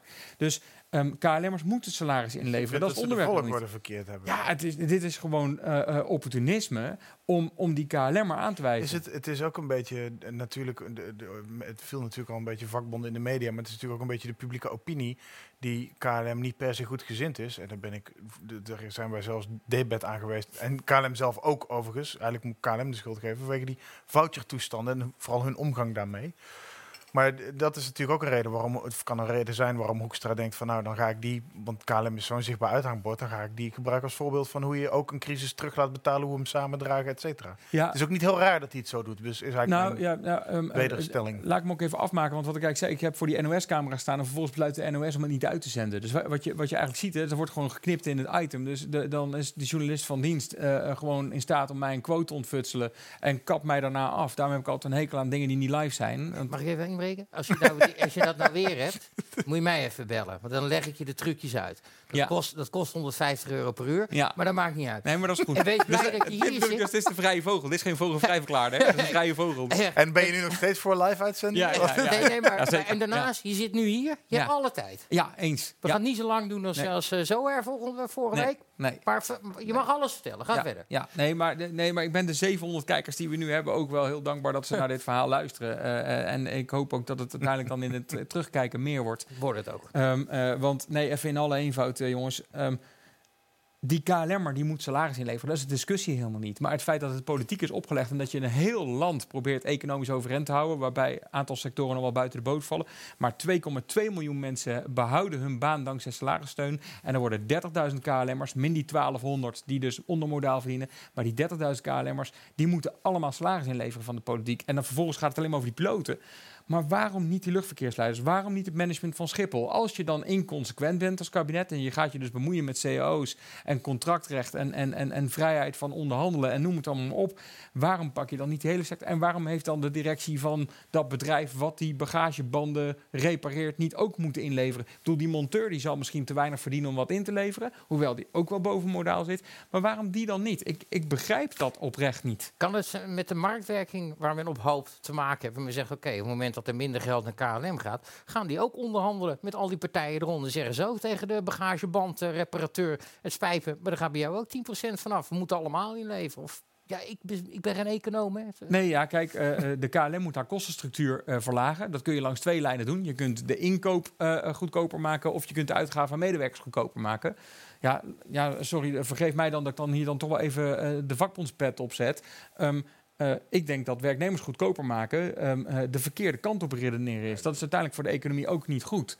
En ehm, eh, de inkoop goedkoper maken, dat heeft zijn economisch effect op die toeleveranciers die daar weer achter zitten en daarmee de lonen. Dus dat blijft een hele ingewikkelde. En ik denk dus dat je beter dan de pijn kunt delen in het hele land omdat ook ergens er een, een, een, een, heel wat- land gered wordt. Oké, maar wat zeg je dan tegen de horeca die op slot zit? Moeten we die ook met z'n allen gaan redden? Nou ja, ik denk dat er heel luchthartig gedaan wordt over de kroeg om de hoek. Ik denk dat die een veel belangrijkere sociale functie vervult dan een economische. En ik denk dat die sociale cohesie in deze samenleving op zoveel plekken ontbreekt... dat het misschien wel veel beter is om die kroeg om de hoek te redden. ehm, eh, eh, dan om failliet te laten gaan. Want ja, daar, komt, eh, daar komt misschien helemaal niks anders serieus voor in de plaats. Maar dat is een, dat is een andere discussie. Maar ik vind dat de wijze waarop, en ik noemde net al de cateraars, eh, die, die vallen volledig buiten de boot. Ik ben daar van de zomer met de werkgevers in de catering bij minister Koolmees geweest. Dat is de meest sympathieke D66er die er is. Dus Maar die- sympathieke D66 bedoel je? Ja, Ja, ja, nee, ja, nee. ja, nee, klopt. Ja, de, eh, ja. en ehm, eh, eh, laat zitten. Maar die, die ehm, eh, eh, nee, maar Wouter Koolmees heeft heel veel begrip. Maar uiteindelijk ja, trekt hij dan ook gewoon niet zo'n knip om die mensen te redden. Daar gaat- Nee, maar goed, ministers worden betaald om heel veel begrip te hebben. En uiteindelijk eh, Ja. tegen een ambtenaar Ja. te zeggen, nou... eh, Ja, eh, nee, maar handel- het- het tik het het even drama af. is in Nederland veel groter en er worden heel veel bedrijven gered. En er worden ook heel veel bedrijven juist niet goed genoeg gered. Maar er zijn 2,2 miljoen mensen die hun baan nog hebben dankzij die coronasteun. En er zijn ongeveer 28.000 KM'ers Ja, die en moeten betalen. je, je weet nog niet wat het onderliggend lijden is binnen de bedrijven waar ze voor werken. Want ze worden nu overeind gehouden met een zekere staatssteun. Ja. Maar wie zegt dat zodra de zijwieltjes er weer afgehaald worden, die, die fiets dan eh, overeind blijft? ja. En ehm, dan moet ik, ik moet wel één ding nageven aan mijn, mijn stiekeme geheime liefde uit Volendam, Mona Keizer. Eh, dat vind ik zo'n lieverd, hè. Maar die zegt wel al wekenlang, heel eerlijk, we kunnen niet één op één 100% ge- eh, eh, compenseren en die economie overeind Nee, maar dan moet je toch ook niet willen, Tom? Nee, maar de, de overheid in dit land die geeft, eh, een beetje liberaal gezien, al veel te veel geld uit per eh, f- eh, eh, 51% van 51 cent van iedere euro gaat al door de overheid of zo. Dus je ontkomt er op een gegeven moment al bijna niet meer aan dat je met z'n allen naar de overheid gaat kijken van nou ja, jullie hebben al ons geld, dus lossen jullie het maar op. Maar ja, dan Ja. zie je dat een overheid keuzes moet gaan maken. En dat begint dan met welk, wat sluit je, wat sluit je niet, wat hou je open, wat, wat, wat hou je letterlijk in de lucht met Ja. staatssteun en wat niet. En wat laat je over aan de markt. En wat je aan de markt overlaat gaat klagen dat iemand anders wel geholpen wordt. En degene die geholpen wordt krijgt een soort publieke tegenwind van ja, eh, fuck jullie met je gratis geld, dat betalen wij allemaal en ik zit zelf zonder baan. Dus Ja, maar wat, wat ik denk dat het heel belangrijk is, dat eh, we kunnen niet iedereen redden, maar ik denk wel, de, eh, misschien wel mooi ook, eh, zullen we dan eh, als D66 dan zeggen, maar we laten niemand vallen. Of eh, eh, het CDA, we moeten wel omzien naar elkaar. En ik denk dat, in, kijk, in die context, jullie geven in deze uitzending altijd... ehm, oh ja, je eh, hebt een linnen tasje, jongen, echt. eh. ja, ik, ik, ja, ik ben net nog naar kantoor in? Culemborg. En eh, eh, eh, ik heb geen idee waar is de camera daar. Dit is het laatste linnen tasje wat wij als vakbond hebben. Ehm, Oké. eh, hij, hij is ook met die korte. Ik heb hem ergens uit een vitrine getrokken. Ehm, eh, maar ik heb, ik heb een, een, een, cadeau voor, voor jullie meegenomen. Eh, ehm, eh, alsjeblieft, de baas eerst, dat snap jij ook. Ja, natuurlijk. Eh, en, en, en voor jullie, maar het, het, het- er zit een serieuze ondertoon in, in dit, in dit Een cadeau. boek? Ja, het is een boek. En het is geen aanmaakblokje. Eh, O- over, Nee. over zijn boeken gesproken. Is het de Mag ik bedoeling- heel even Ja. onderbreken? Ja. Eh, sorry, eh, lieve mensen. Vorige week hadden we drie heb- boeken van Harm Edebordje en Misha Cohen. Eh, mijn mening is een feitenbiografie, ongeautoriseerde biografie over Thierry Baudet. U moest naar aanmaak, aanmaakblokje.geenstijl.nl het goede getal eh, kiezen en mailen. Dat is niet gebeurd. Dus eh, door blijven raden, nee, mensen. god, hou op. Ik, ben net heel, ik heb net heel die mailbox schoongekregen en leeggeveegd. En het is allemaal al geregeld, boeken zijn verzonden. Zeg dat dan even. Wij spreken af dat niet het, het juiste getal niet. Nee hoor. Allemaal op zijn eigen eiland. Ja, niemand heeft het juiste getal genoemd, maar ik heb wel gewoon drie boeken verzonnen. verzonden. Oh man, man, man.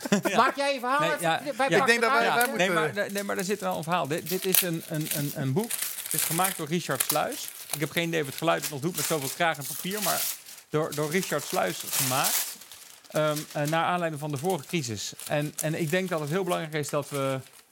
ehm, Sorry, dat we de com-. Complete Lexicon of Crisis-Related Suicide. Ja. Nou, eh, de toon, gezellig. eh, Ja. nee, hier. ja, nou, En, en hij heeft goed geboerd, want het is een hardcover. ja, ja, nee, het is, het is, ehm, maar dit is een, dit is een, eh, een verzameling van, van mensen die dus allemaal in de vorige crisis, ehm, eh, eh, zeg maar ergens door de samenleving uit het oog verloren zijn en allemaal eh, zelfmoord hebben gepleegd. En eh, dit is een boek vol met eh, de rouwadvertenties en de verhalen achter deze mensen. En ehm, eh, Met, eh, leuk van onder de de gezellige-. Ja, Gezellige ja. cadeautjes. Nee, maar de reden waarom ik het jullie geef is omdat het voor mij de, de, de crisis is zo heftig en die, die mensen in de horeca daar, daarvan had Geert Wilders gisteren in het coronadebat ook terecht de opmerking dat er steeds meer mensen bellen met zelfmoordneigingen naar dat eh, eh, 113 nummer. ehm, eh, het is wel serieus wat er gaande is. En ehm, eh, in, die, in diezelfde context denk ik dat we moeten zeggen... we kunnen niet de hele samenleving redden, we kunnen niet de hele economie redden. Maar dit is wel wat er gebeurt met eh, sectoren of mensen die we niet redden. Die komen in een risicofase terecht waarbij er ook gewoon echt mensen zeggen... dit hou ik niet meer vol, ik stop ermee. En dat is, dit zijn echte verhalen die sinds 2008 zich in de financiële sector en de aanverwante crisis zeg maar, heeft afgespeeld. En ehm, eh, ik, ik kan niet genoeg benadrukken dat ehm, Het is echt eh, een zwart boek. het, ja, het land niet kunnen redden, maar we- dit is wel wat er gaande is. En laat ik nou zeggen, voor degenen die dan interesse hebben, eh, eh, ik heb geen idee, maar zullen we zeggen, de eerste die 20 euro doneert vanavond voor deze uitzending, die krijgt van mij ook zo'n boek. Ik heb er nog eentje op kantoor liggen, die stuur ik dan wel op. Jullie moeten ook je, de, hè, dan kunnen we jou wat meer betalen. Ja, ja, Maar- 30% gaat naar mij. Ja, zo, Ja, dat dus, vind ik allemaal eh, prima. Maar, ik heb de- er 57. eh. Nee, maar even in... in, in ja, jij ziet je uurloon echt stijgen hier. Maar dit, is zo, dit is voor mij zo tekenend van waar wij mee bezig zijn. En dat, dat is dan toch wel een... een ik weet dat de Unie een andere vakbond is dan de, de altijd eh, Ja. eh, de, de, de traditionele vakbeweging. Maar wij hebben wel echt oog voor mensen en voor de mensen achter de crisis. En de Unie is de grootste vakorganisatie in de financiële sector. En, en heeft gezien wat voor een impact dat is. Daar, daarom heeft dit boek ook ehm, eh, zo'n impact op mij gemaakt. En ik zie dat eigenlijk nu landelijk gebeuren. Maar die impact heeft het misschien ook wel op een aantal KLM'ers. En ik denk dat je moet realiseren dat de wijze waarop die KLM'er gebashed wordt. En ze hangen echt niet allemaal ergens aan een boom of springen zeker niet allemaal uit de vliegtuig. Die, die, die vliegen ook Dat niet. lijkt Dus me geen goed plan. Nee, maar je snapt wat ik bedoel. Het is, het is zo makkelijk om een groep aan te wijzen en zo te polariseren. Terwijl we samen tegen corona als slogan Maar dit- hebben. dit is- En dat zijn we ergens volledig vergeten in dit hele ehm eh, Dit is, KLM dit is natuurlijk een beetje de, die grote frustratie van dat hele corona-ding. Is normaal gesproken, als er iets misgaat, kun je altijd iemand de schuld geven. Ja.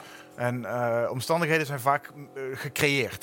Ja. En, eh, niet, en, en daarom zijn rampen en, en dat soort eh, en, en natuurevenementen en zo altijd we hebben een bijzondere status, omdat daar kan eigenlijk niemand iets Nee. aan doen meestal. Maar dat geldt dus voor corona ook. Je, je zoekt een soort vijand, en je wil een soort boeman aanwijzen. Maar kijk, enerzijds kun je roepen van ik wil god naar de kroeg toe, want ik mis de kroeg. En dan kun je zeggen, het is een first world problem, maar ik mis de kroeg echt. Want ik wil gewoon aan het einde van de week Ja. naar mijn praathuis en de boel een beetje doornemen. En, of uit eten, of dat soort dingen. Maar eh, eh, dat kan nu niet. En daar wil je iemand de schuld van geven. Maar je snapt tegelijkertijd ook waarom die kroeg dicht is. Waarom Ja. dat restaurant gesloten is. Dus je Ja. kan niet echt... Het is moeilijk om ergens naar te wijzen. Je snapt dat die horeca, dat ze op, op het plein staan te roepen... ja, wij gaan 17 januari hoe dan ook weer open. Want we zien die koopgoten ook vol lopen. Dus waarom wij dan niet? Ja. En dat is allemaal logisch. Maar ja, je- de, de kroegbaas kan het de koopgoot niet verwijten dat die open is. En je kan het de, de overheid ook niet, niet per se verwijten dat ze niet zeggen... de ene week de winkels en de andere week de horeca. Hoewel dat misschien nog best een idee zou kunnen zijn. Maar er is... ja, voordat ik weer eh, 36 je, voorbeelden ga noemen... je, Eh, je kan niemand de schuld geven, behalve dan die ene eikel die die vleermuis hapte in Wuhan. Even, tenzij je in complotten wil vervallen dat het allemaal expres is gedaan door China. Maar daar hebben we het ooit nog wel een keer over als dat boven water komt. Bill Gates, natuurlijk. die ook. Ja. Nee, maar, nee, dat, maar, ja, maar dat dus. Dat, eh, hebben- mensen we- zijn op zoek naar zondebokken die er eigenlijk helemaal niet zijn. En ik vind, ik vind ergens de, de KLM, maar nogmaals, hè, wat ik dus zeg, als je dan probeert de afgelopen maanden de discussie te verbreden en te zeggen, joh, dat de KLM moet inleveren is evident, maar daar gaan wij als vakbonden zelf over. Het is natuurlijk ook heel raar dat een kabinet ingrijpt. We leven hier toch niet in de Sovjet-Unie? Dat is gewoon bizar. eh, dat, dat dat contractrecht zo eigenlijk ergens geschonden wordt. Vervolgens eh zoomt zich dat dan helemaal in op die vliegers. Nou, ik denk dat er maar één reden is waarom die vliegers zo lang hebben kunnen volhouden. Als er nou één bond is met 100% organisatiegraad in Nederland, dan zijn het die piloten. Het is een kleine bond, omdat er maar weinig piloten zijn in Nederland. Maar het is wel de meest georganiseerde bond. Als FNV en CNV en de Unie net zoveel eh, eh, ehm, eh, slagkracht willen ontwikkelen, moet eerst iedereen lid worden van de vakbond. Dus die piloten die hebben een stukje vakbondskracht en macht laten zien. En ondertussen hebben die ook de karaktertrek om ook wel voordat ze opstijgen even alles in beeld te brengen van wat zijn de risico's en wat zijn de gevaren. En daarom hebben ze er wat langer over gedaan om, een, om een akkoord te krijgen. Eh, eh, omdat ze dat namelijk ook doen voordat ze opstijgen. Je, je besluit eerst even, gaan we wel ja of nee? Ja, en goed, dat, ik, die dit- beeldvorming dit, is dit zo gesprek negatief. had je bij Sven Kokkelman ook. En die zei toen heel terecht eh, tegen jou... ja, maar dat heeft een, een buschauffeur eigenlijk ook... die door de bergen heen rijdt. Die moet Ja. alles checken. en Die moet ook, Ja, iedereen daar ben, maar daar ben ik het volledig mee eens. Maar als een buschauffeur een lekke band krijgt, dan zet hij de bus gewoon langs de kant. En als Ja. een piloot een lekke band krijgt bij het opstijgen, dan heeft hij 400 gillende mensen achterin. En dan moet hij daarna ook nog een keer proberen dat ding te, te landen, bij wijze van spreken, met twee brandende motoren op de Hudson. Ja, en dat, dat lukt de gemiddelde. Goed Ja. verhaal was Ja, dat maar de, de gemiddelde buschauffeur lukt dat gewoon niet. En, eh, eh, dat Nee, met- die landt over het algemeen niet in de hut. Nee, nee die, die, die rijden gewoon de dijk af. Hè? Of, of Ja. oh, hoeveel bussen zijn er op weg naar Tormelinos of weet ik van wat is het, Salau eh, wel niet ook gewoon van de weg geraakt? Is Eh, eh, vliegen toch nog steeds een van daarom. de veiligste. Ja, nee, Ja. nee zeker, zeker. Goed. Ik wil eh, even eh, eh, een jaartje ervoor, eh 2019 zitten we dan. Eh, want we hadden het al een paar keer over dat het eh, niet altijd even lekker gaat met KLM. Het maakt geen winst. Het heeft eh, erg veel last van de, de, de prijsvechters zoals een Ryanair. Jij zegt, heb je geen service. Mensen verwachten dat misschien ook niet. Die willen gewoon van, van hier naar Alicante. En daar willen ze 2 euro voor doen. En daar willen ze 50 euro voor betalen, max. Dat is iets waar je voor kiest. Daar hebben ze zwaar onder te lijden. Dus we dachten, Wopke, daar is hij weer. Eh, Wopke Hoekstra bij zichzelf. Weet je wat wij doen? Wij, eh, even, en dat, dat kwam als een verrassing ook. Wij kopen gewoon even wat aandelen. En daar nemen we jullie eventjes mee terug. In startje 4 zitten we alweer. Wopke koopt aandelen namens Nederland van Air France KLM. Nou, we hebben ehm 12,68% gekocht. Eh, dat staat gelijk aan 680 miljoen euro. Eh, en zoals gezegd hebben wij het voornemen om een vergelijkbaar aandelenbelang te kopen als de Franse staat. Eh, dat staat op dit moment op 14,3 procent. Ehm, en ik stel me voor dat we doorkopen tot bijvoorbeeld eh, 14 procent. Dus daar zijn we bijna. Waar haalt u die eh, 680 miljoen vandaan en eh, ja, wat denkt u dat het dan gaat opleveren? Nou, dat is eh, natuurlijk altijd een goede vraag aan de minister van Financiën. Dit is geld wat eh, ten laste komt van de staatsschuld. Dus de rijksbegroting in directe zin is er niet mee gemoeid. Het heeft dus geen gevolg voor de uitgaven eh, die de collega's in het kabinet eh, kunnen doen. Dus wij kopen nu voor 680 miljoen, hebben we dit stuk gekocht. En we zullen doorkopen tot 14 procent. En dat betekent dat we, nou ja, dat we daar aandelen voor terugkrijgen in de holding. En tot hoe- hoeveel geld wilt u gaan? Nou ja, er is dus nog een klein stukje wat we te gaan hebben. We hebben 12,68 eh, en we willen 14% kopen. Eh, dus daar zijn we bijna. 14% aandelen van KLM. En dan zitten ze, eh, daarmee wil hij dan bereiken, als ik het goed heb begrepen, dat ze wat in de melk te brokkelen hebben. Ja. En ik denk bij mezelf, hoe naïef kun je zijn? Eh, ja, ja, laten we vaststellen. Hij heeft geen deuk in de croissant geslagen daar in Nee. Parijs met de aankoop van deze aandelen. En dat is natuurlijk wel heel triest. Hij is de hele zomer bezig geweest om die KLM-piloten te bashen en daar de aandacht een beetje op te focussen. We hebben het nu over het jaar ervoor, hè? Eh, ja, Ja? maar daar is hij afgelopen zomer mee bezig geweest. Maar eh, wat heeft hij dan de afgelopen zomer gedaan in Parijs? En je ziet dat die Fransen nu deze week zelfs weer besluiten om eh, nog meer aandelen in Air France KLM te nemen. Waarmee het aandeel van Nederland weer verwatert.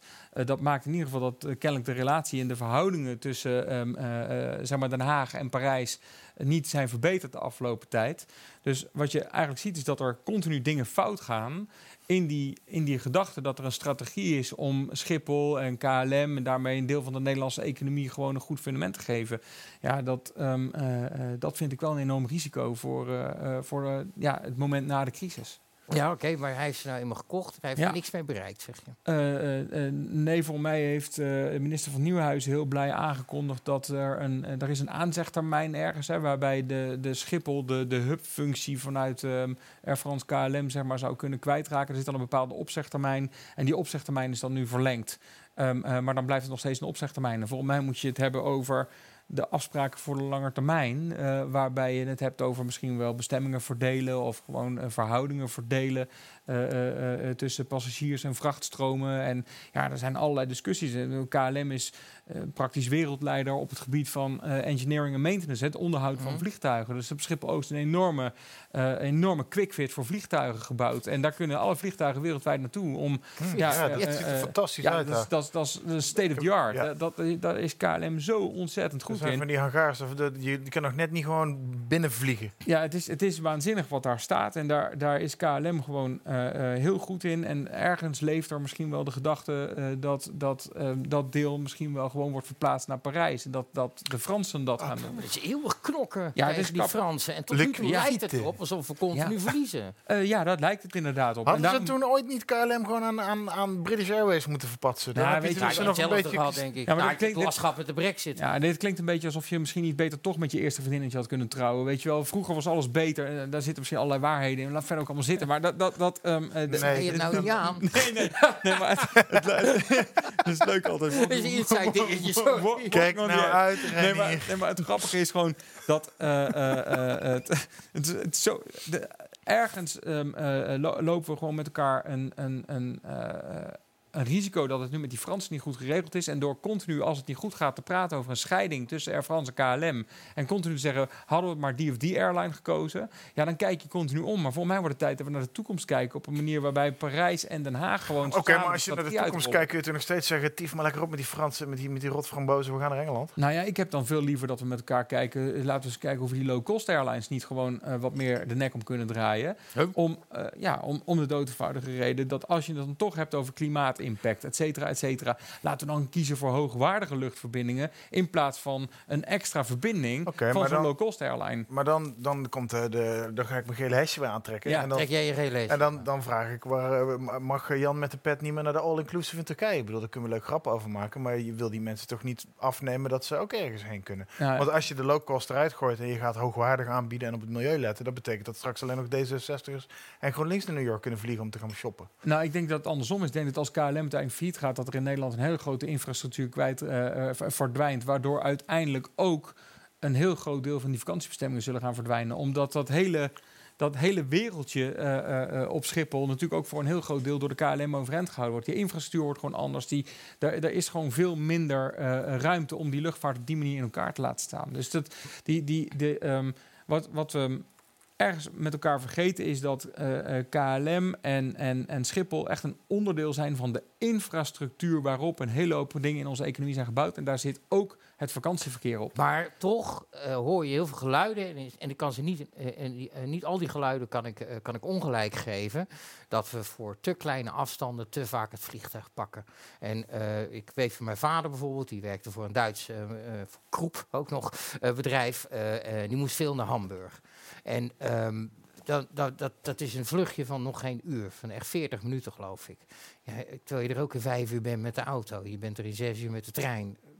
Nou, Denk ik tel uit je winst. Ja, maar ja, kijk, nee, tel uit je winst. Ja, maar ik is- vraag, ik, ik het weet is niet, ingewikkeld. Hè? Het is, dat, is, het is, lijkt me een hele ingewikkelde Ja, keuze, maar er is wel wat voor te zeggen. Dat klopt wel, maar het is, het is, eh, het is, ik zeg het nog maar een keer eh, voor, voor de kijkers. Klik op dat linkje van dat Vimeo-filmpje van Ja, ja. Benno Baksteen om die infrastructuur uitgelegd te krijgen. En je kunt je afvragen wat dan het alternatief is. Ik bedoel, ehm, eh, eh, mogen we dan die bestemmingen allemaal niet meer aandoen? En moeten we daar dan allemaal treinen naartoe laten rijden? Nou, dat zie ik ook helemaal nog niet gebeuren. Eh, los van het feit dat je dan ook allemaal dwars door allerlei natuurgebieden heen moet. En Ja, ook- maar de dan trein is krijg een je- stuk milieuvriendelijker dan een vliegtuig. Eh, nou ja, dat, dat, ehm, eh, dat is wel, heeft ook te maken met bezettingsgraden. Dat heeft ook te maken met frequenties. Het moet wel allemaal kloppen. Want je kunt wel zeggen, ik ga met de trein, maar da- da- daar zitten ook allerlei eh, andere elementen aan. Want dat, Uiteraard, dat, dat uiteraard. treinverkeer, ehm, eh, dat moet dan wel ook naadloos aansluiten op het intercontinentale ehm, eh, Nou, ik eh, moet eerst zeggen, de treinverbindingen naar Frankrijk, de treinverbindingen naar, eh, naar Duitsland, eh, die zijn echt oké. Die zijn echt, ik, bedoel, ik ben echt in twee uur tijd vanuit Utrecht ben ik in Keulen.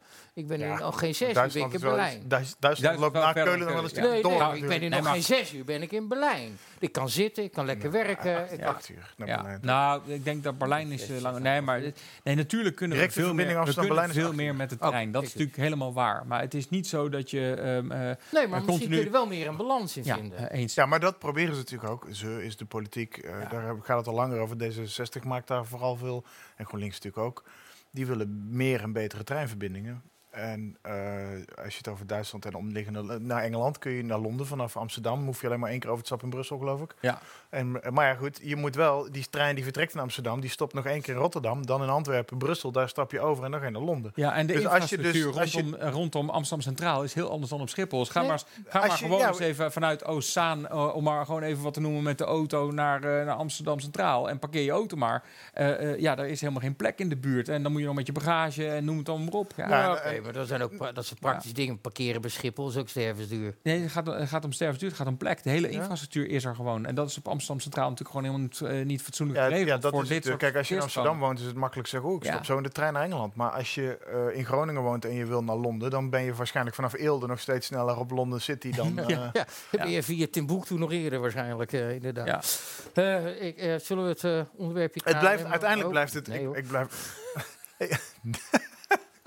Dank je, Tom. Met je stomme bril. uit je bek. Net zei je wat heel anders.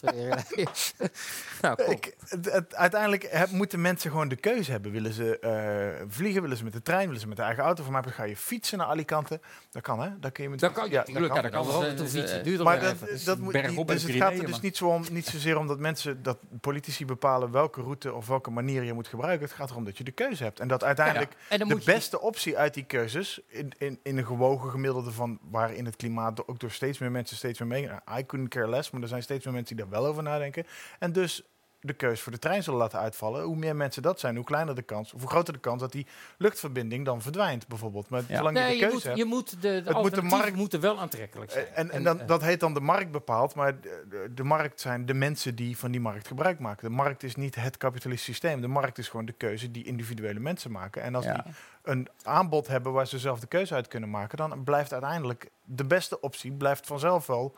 Eh, en die wordt ook steeds goedkoper. Hoe meer mensen de beste optie gebruiken, hoe goedkoper die optie wordt, et Ja, cetera. maar en, en hoe meer mensen die keuze gebruiken, hoe schoner die optie ook wordt. Omdat er dan ook geld is om te investeren Oh, ja, in schone precies, technieken. Want laten we wel zijn, de luchtvaart van 50 jaar geleden en de luchtvaart van nu is natuurlijk een stuk schoner. En natuurlijk is het vervuilend. En dan kun je allerlei eh, dingen met statistieken en cijfers en allerlei, krijg je allerlei polemieken. Maar laten we gewoon vaststellen, het is gewoon schoner. Met andere En, woorden, eh, als dus je alle dat- treinverbindingen naar Duitsland opheft en je zegt we, eh, je mag alleen nog maar vliegen, dan komt er zoveel geld in die route dat voor je het weet vliegen al die dingen op waterstof. Nou ja, dat, nou ja, eh, ja, ik, ja, ja. Weet je wat ze ja. ook goed hebben in Duitsland? Autobaan. Autowegen. Ja. Dan kun je gewoon met de auto naar Duitsland.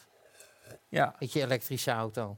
Of wat dan ook. Nou ja, behalve als je naar wintersport wil, want voor je het weet sta je zo'n Tesla-file bij pompstation ja, ja. eh, vlak voor Ja, de het Oostenrijkse. Ja, dat, Maar goed, dat Ja, verdwijnt, dat met een aantal jaren ook Ja. wel weer natuurlijk. En, en ook daar kun je het verhaal de andere kant weer op redeneren. Eer dat zo'n Tesla elektrisch rijdt en milieuvriendelijk is, moet er een hoop gebeuren wat niet milieuvriendelijk of kindvriendelijk is zelfs, als het over kobaltmijnen in Afrika gaat, Ja. voordat je zo'n ding maakt. Dus ieder voordeel heeft zijn nadeel, et cetera. Ja, en, en, en, en- ja, want ik merk dat jij wil afsluiten. Maar nee hoor, nee, ik wil naar een volgend onderwerp. Oh, maar mag je, ook. nee, maar je Nee, mag maar alles zeggen. nee, wat, wat voor mij heel belangrijk is, dat je ook gewoon moet bedenken, eh, er wordt nu door eh, eh, mensen gezegd, corona is een kans om te stoppen met een hele hoop dingen. Hè. Greenpeace heeft nu ook die rechtszaak, of dat kort geding dan aangespannen, eh, verloren.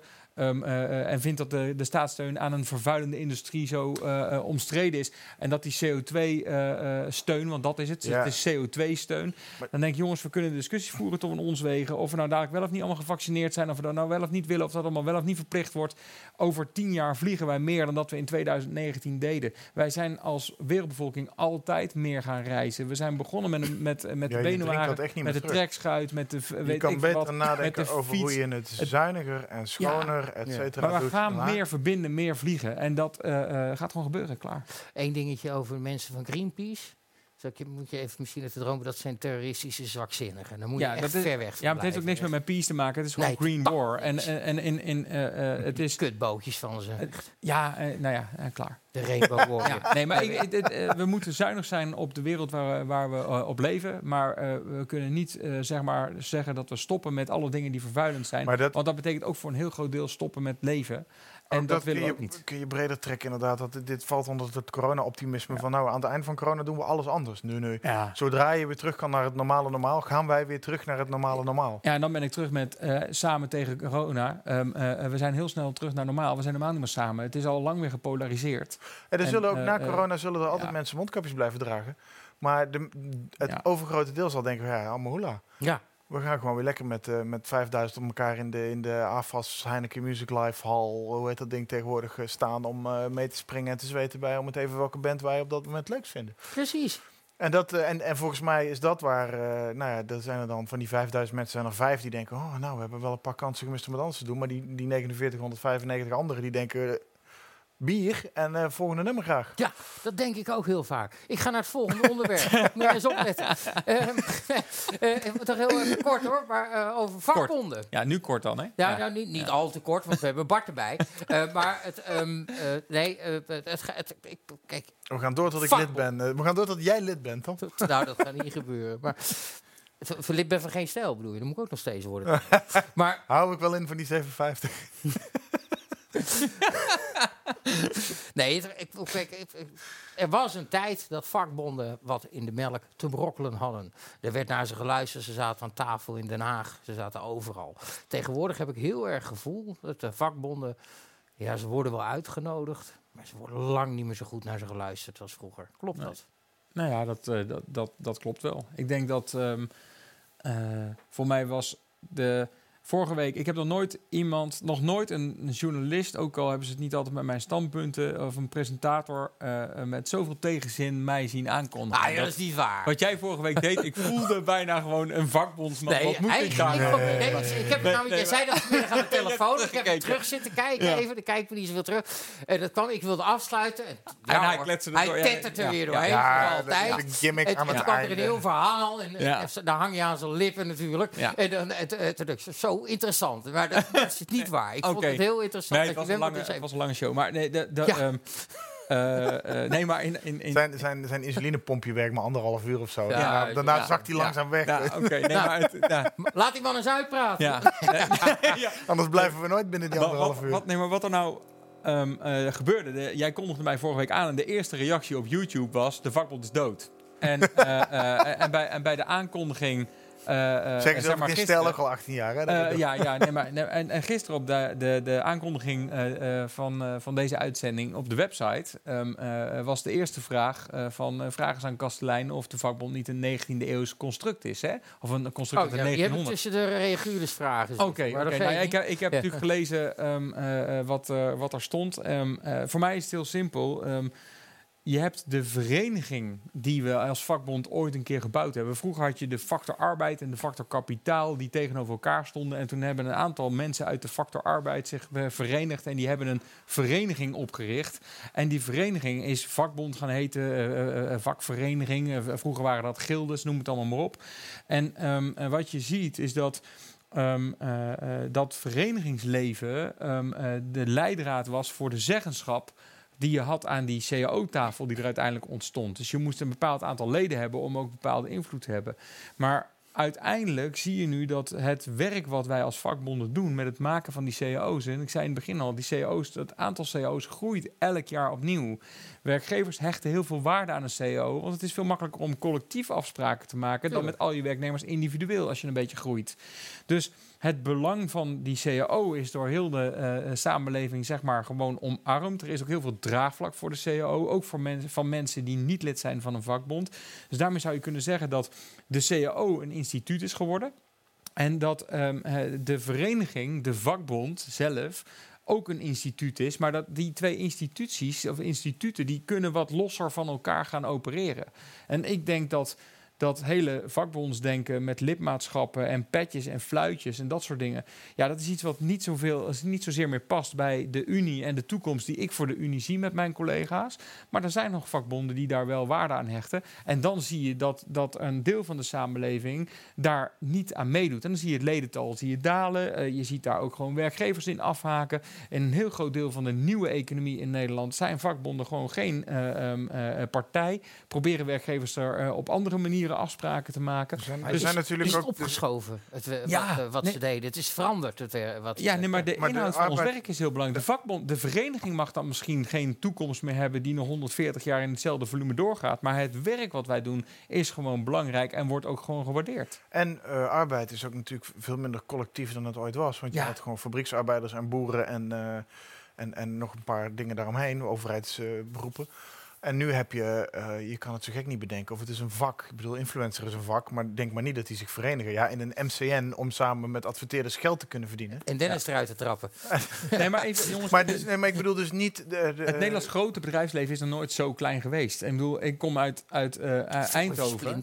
Eh, ja, ik kom uit Eindhoven. Dat was natuurlijk Philips. Mijn vader heeft bij Philips gewerkt. Mijn opa heeft bij Philips gewerkt. Als je daarover nadenkt, dat is natuurlijk gewoon helemaal niet meer. En, en eh, ik bedoel, Philips is zelfs verhuisd naar Amsterdam en is niet eens meer shirtsponsor van PSV. Hè, Philips was de werkgever die heel, eh, eh, eh, heel die woonwijk uit de grond stapte en de. Philips Sportvereniging uit de grond TV hebben we aan Philips te danken. Ik kom uit, Ja. ik kom uit Roosendaal, waar ook Philips een complete wijk uit de grond gestampt heeft. En nu ook niet meer Ja, dat is aanwezig gewoon is sinds weg. een paar jaar. Ja, ja. dus de, de, dat grote bedrijfsleven waar die vakbonden zich vroeger konden organiseren, is er niet meer. Dus je hebt steeds meer kleinere werkgevers. En dat maakt dus ook dat dat lidmaatschap ook wat anders beleefd kan worden, et cetera, et cetera. Maar uiteindelijk hebben wij daarna bij die kleine werkgevers, die zich wel weer verenigen in sectoren, natuurlijk wel cao's die op sectoraal niveau worden afgesloten. Maar het ingewikkelde is gewoon dat van de 8 miljoen, 8,5 miljoen werknemers in Nederland er na pakweg 6,5 miljoen onder een cao vallen. En van die 6,5 miljoen, ja, er zijn 1,1, 1,2 miljoen mensen lid van een vakbond. 30% is gepensioneerd. En eh, de, de helft van de werkenden zit in de overheid, eh, of in de publieke sector. En het is allemaal gewoon blank en 55 plus. Op, op de schoonmakersleden En- na dan. hè. En Eh, het is op veel vlakken ook gewoon behoorlijk goed geregeld in Nederland. Ja, Vanuit een Ja. werknemersperspectief. Eh, ja, ook nog. Dat is ook nog eens een keer de makker die de vakbeweging heeft. Dat met elk goed idee waar wij mee aankomen, wordt het wet. En op het moment dat er een wet meer, is, ja. heb, je geen, eh, heb je geen vakbond meer nodig die dat verdedigt. Want dan heb je vervolgens gewoon de wet die er is. Dus hoe Eh, minder vakbondsleden, hoe beter een land geregeld is. En je zou bijna kunnen zeggen dat de emancipatie helemaal van de waar werknemer natuurlijk. in Nederland bijna voltooid is. En ehm, eh, ik heb een collega die werkt inmiddels 42 jaar bij de Unie, is toch nog jong van geest. En die zegt ook gewoon: op het moment dat ik met pensioen ga, eh, zijn er geen leden meer. En dan is het werk van de vakbeweging klaar. Want ja, Dat alles zou is geregeld in wetten. En iedereen is, klaar, is, is dat tevreden. ideaal. dat is Tegelijkertijd, cynisch, maar. eh, als je eh, naar de mediawereld kijkt, zie je tegelijkertijd dat de schaalvergroting in de, uit, in de uitgeverland neemt alleen maar toe. Ik bedoel, eh, de Belgen, de Belgen Ja. hebben zo'n beetje... Er zijn nog twee hele grote krantenuitgeverbedrijven in Nederland. Die zijn in handen, deels in Belgische handen. Daar werken volwassen mensen die gewoon een gezin te onderhouden hebben voor een paar cent per woord. Echt inktkoelies Ja. in de oude betekenis van het woord. En die eh, klagen veel, maar zijn weinig verenigbaar. Want die zitten op tijdelijke contracten of op freelance contracten. En klagen is gewoon opdonderen. En ja, dan wil je ergens anders heen, maar dat is van dezelfde eigenaar. Dus nou ja. Eindig, een je, eindig je als. ZZP'er is ook lastig verenigen, want dan ben je vooral druk met acquisitie en niet met... eh, Nou, maar wa- wat, wat, wat je ziet, hè, je hebt bijvoorbeeld je hebt een hele grote ehm, eh, eh, CAO in Nederland. Dat is een van de laatste bolwerken. Dat is de metaal-CAO, de Metalectro ook wel genoemd.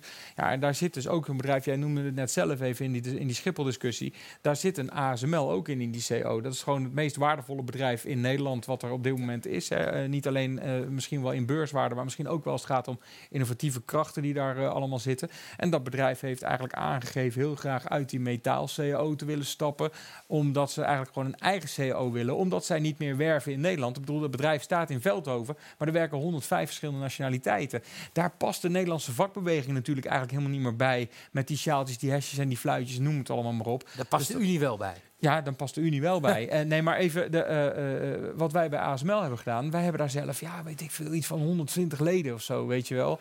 En wij hebben daar nu een, een, een enquête eh, uitgerold onder die medewerkers. Die ook van tevoren met die medewerkers is opgesteld van wat zijn nou de onderwerpen waar het over moet gaan. En daar reageert dan 7.500 man op. Dat is de helft van de populatie. Als je ziet dat vakbonden in Nederland ongeveer 12% organiseren, dan heb ik alleen bij ASML al gewoon vier, vijf keer zoveel medewerkers gesproken dan dat er eigenlijk procentueel lid zouden zijn van, van, een, van een bedrijf. En het is daar nog vele malen eh, meer.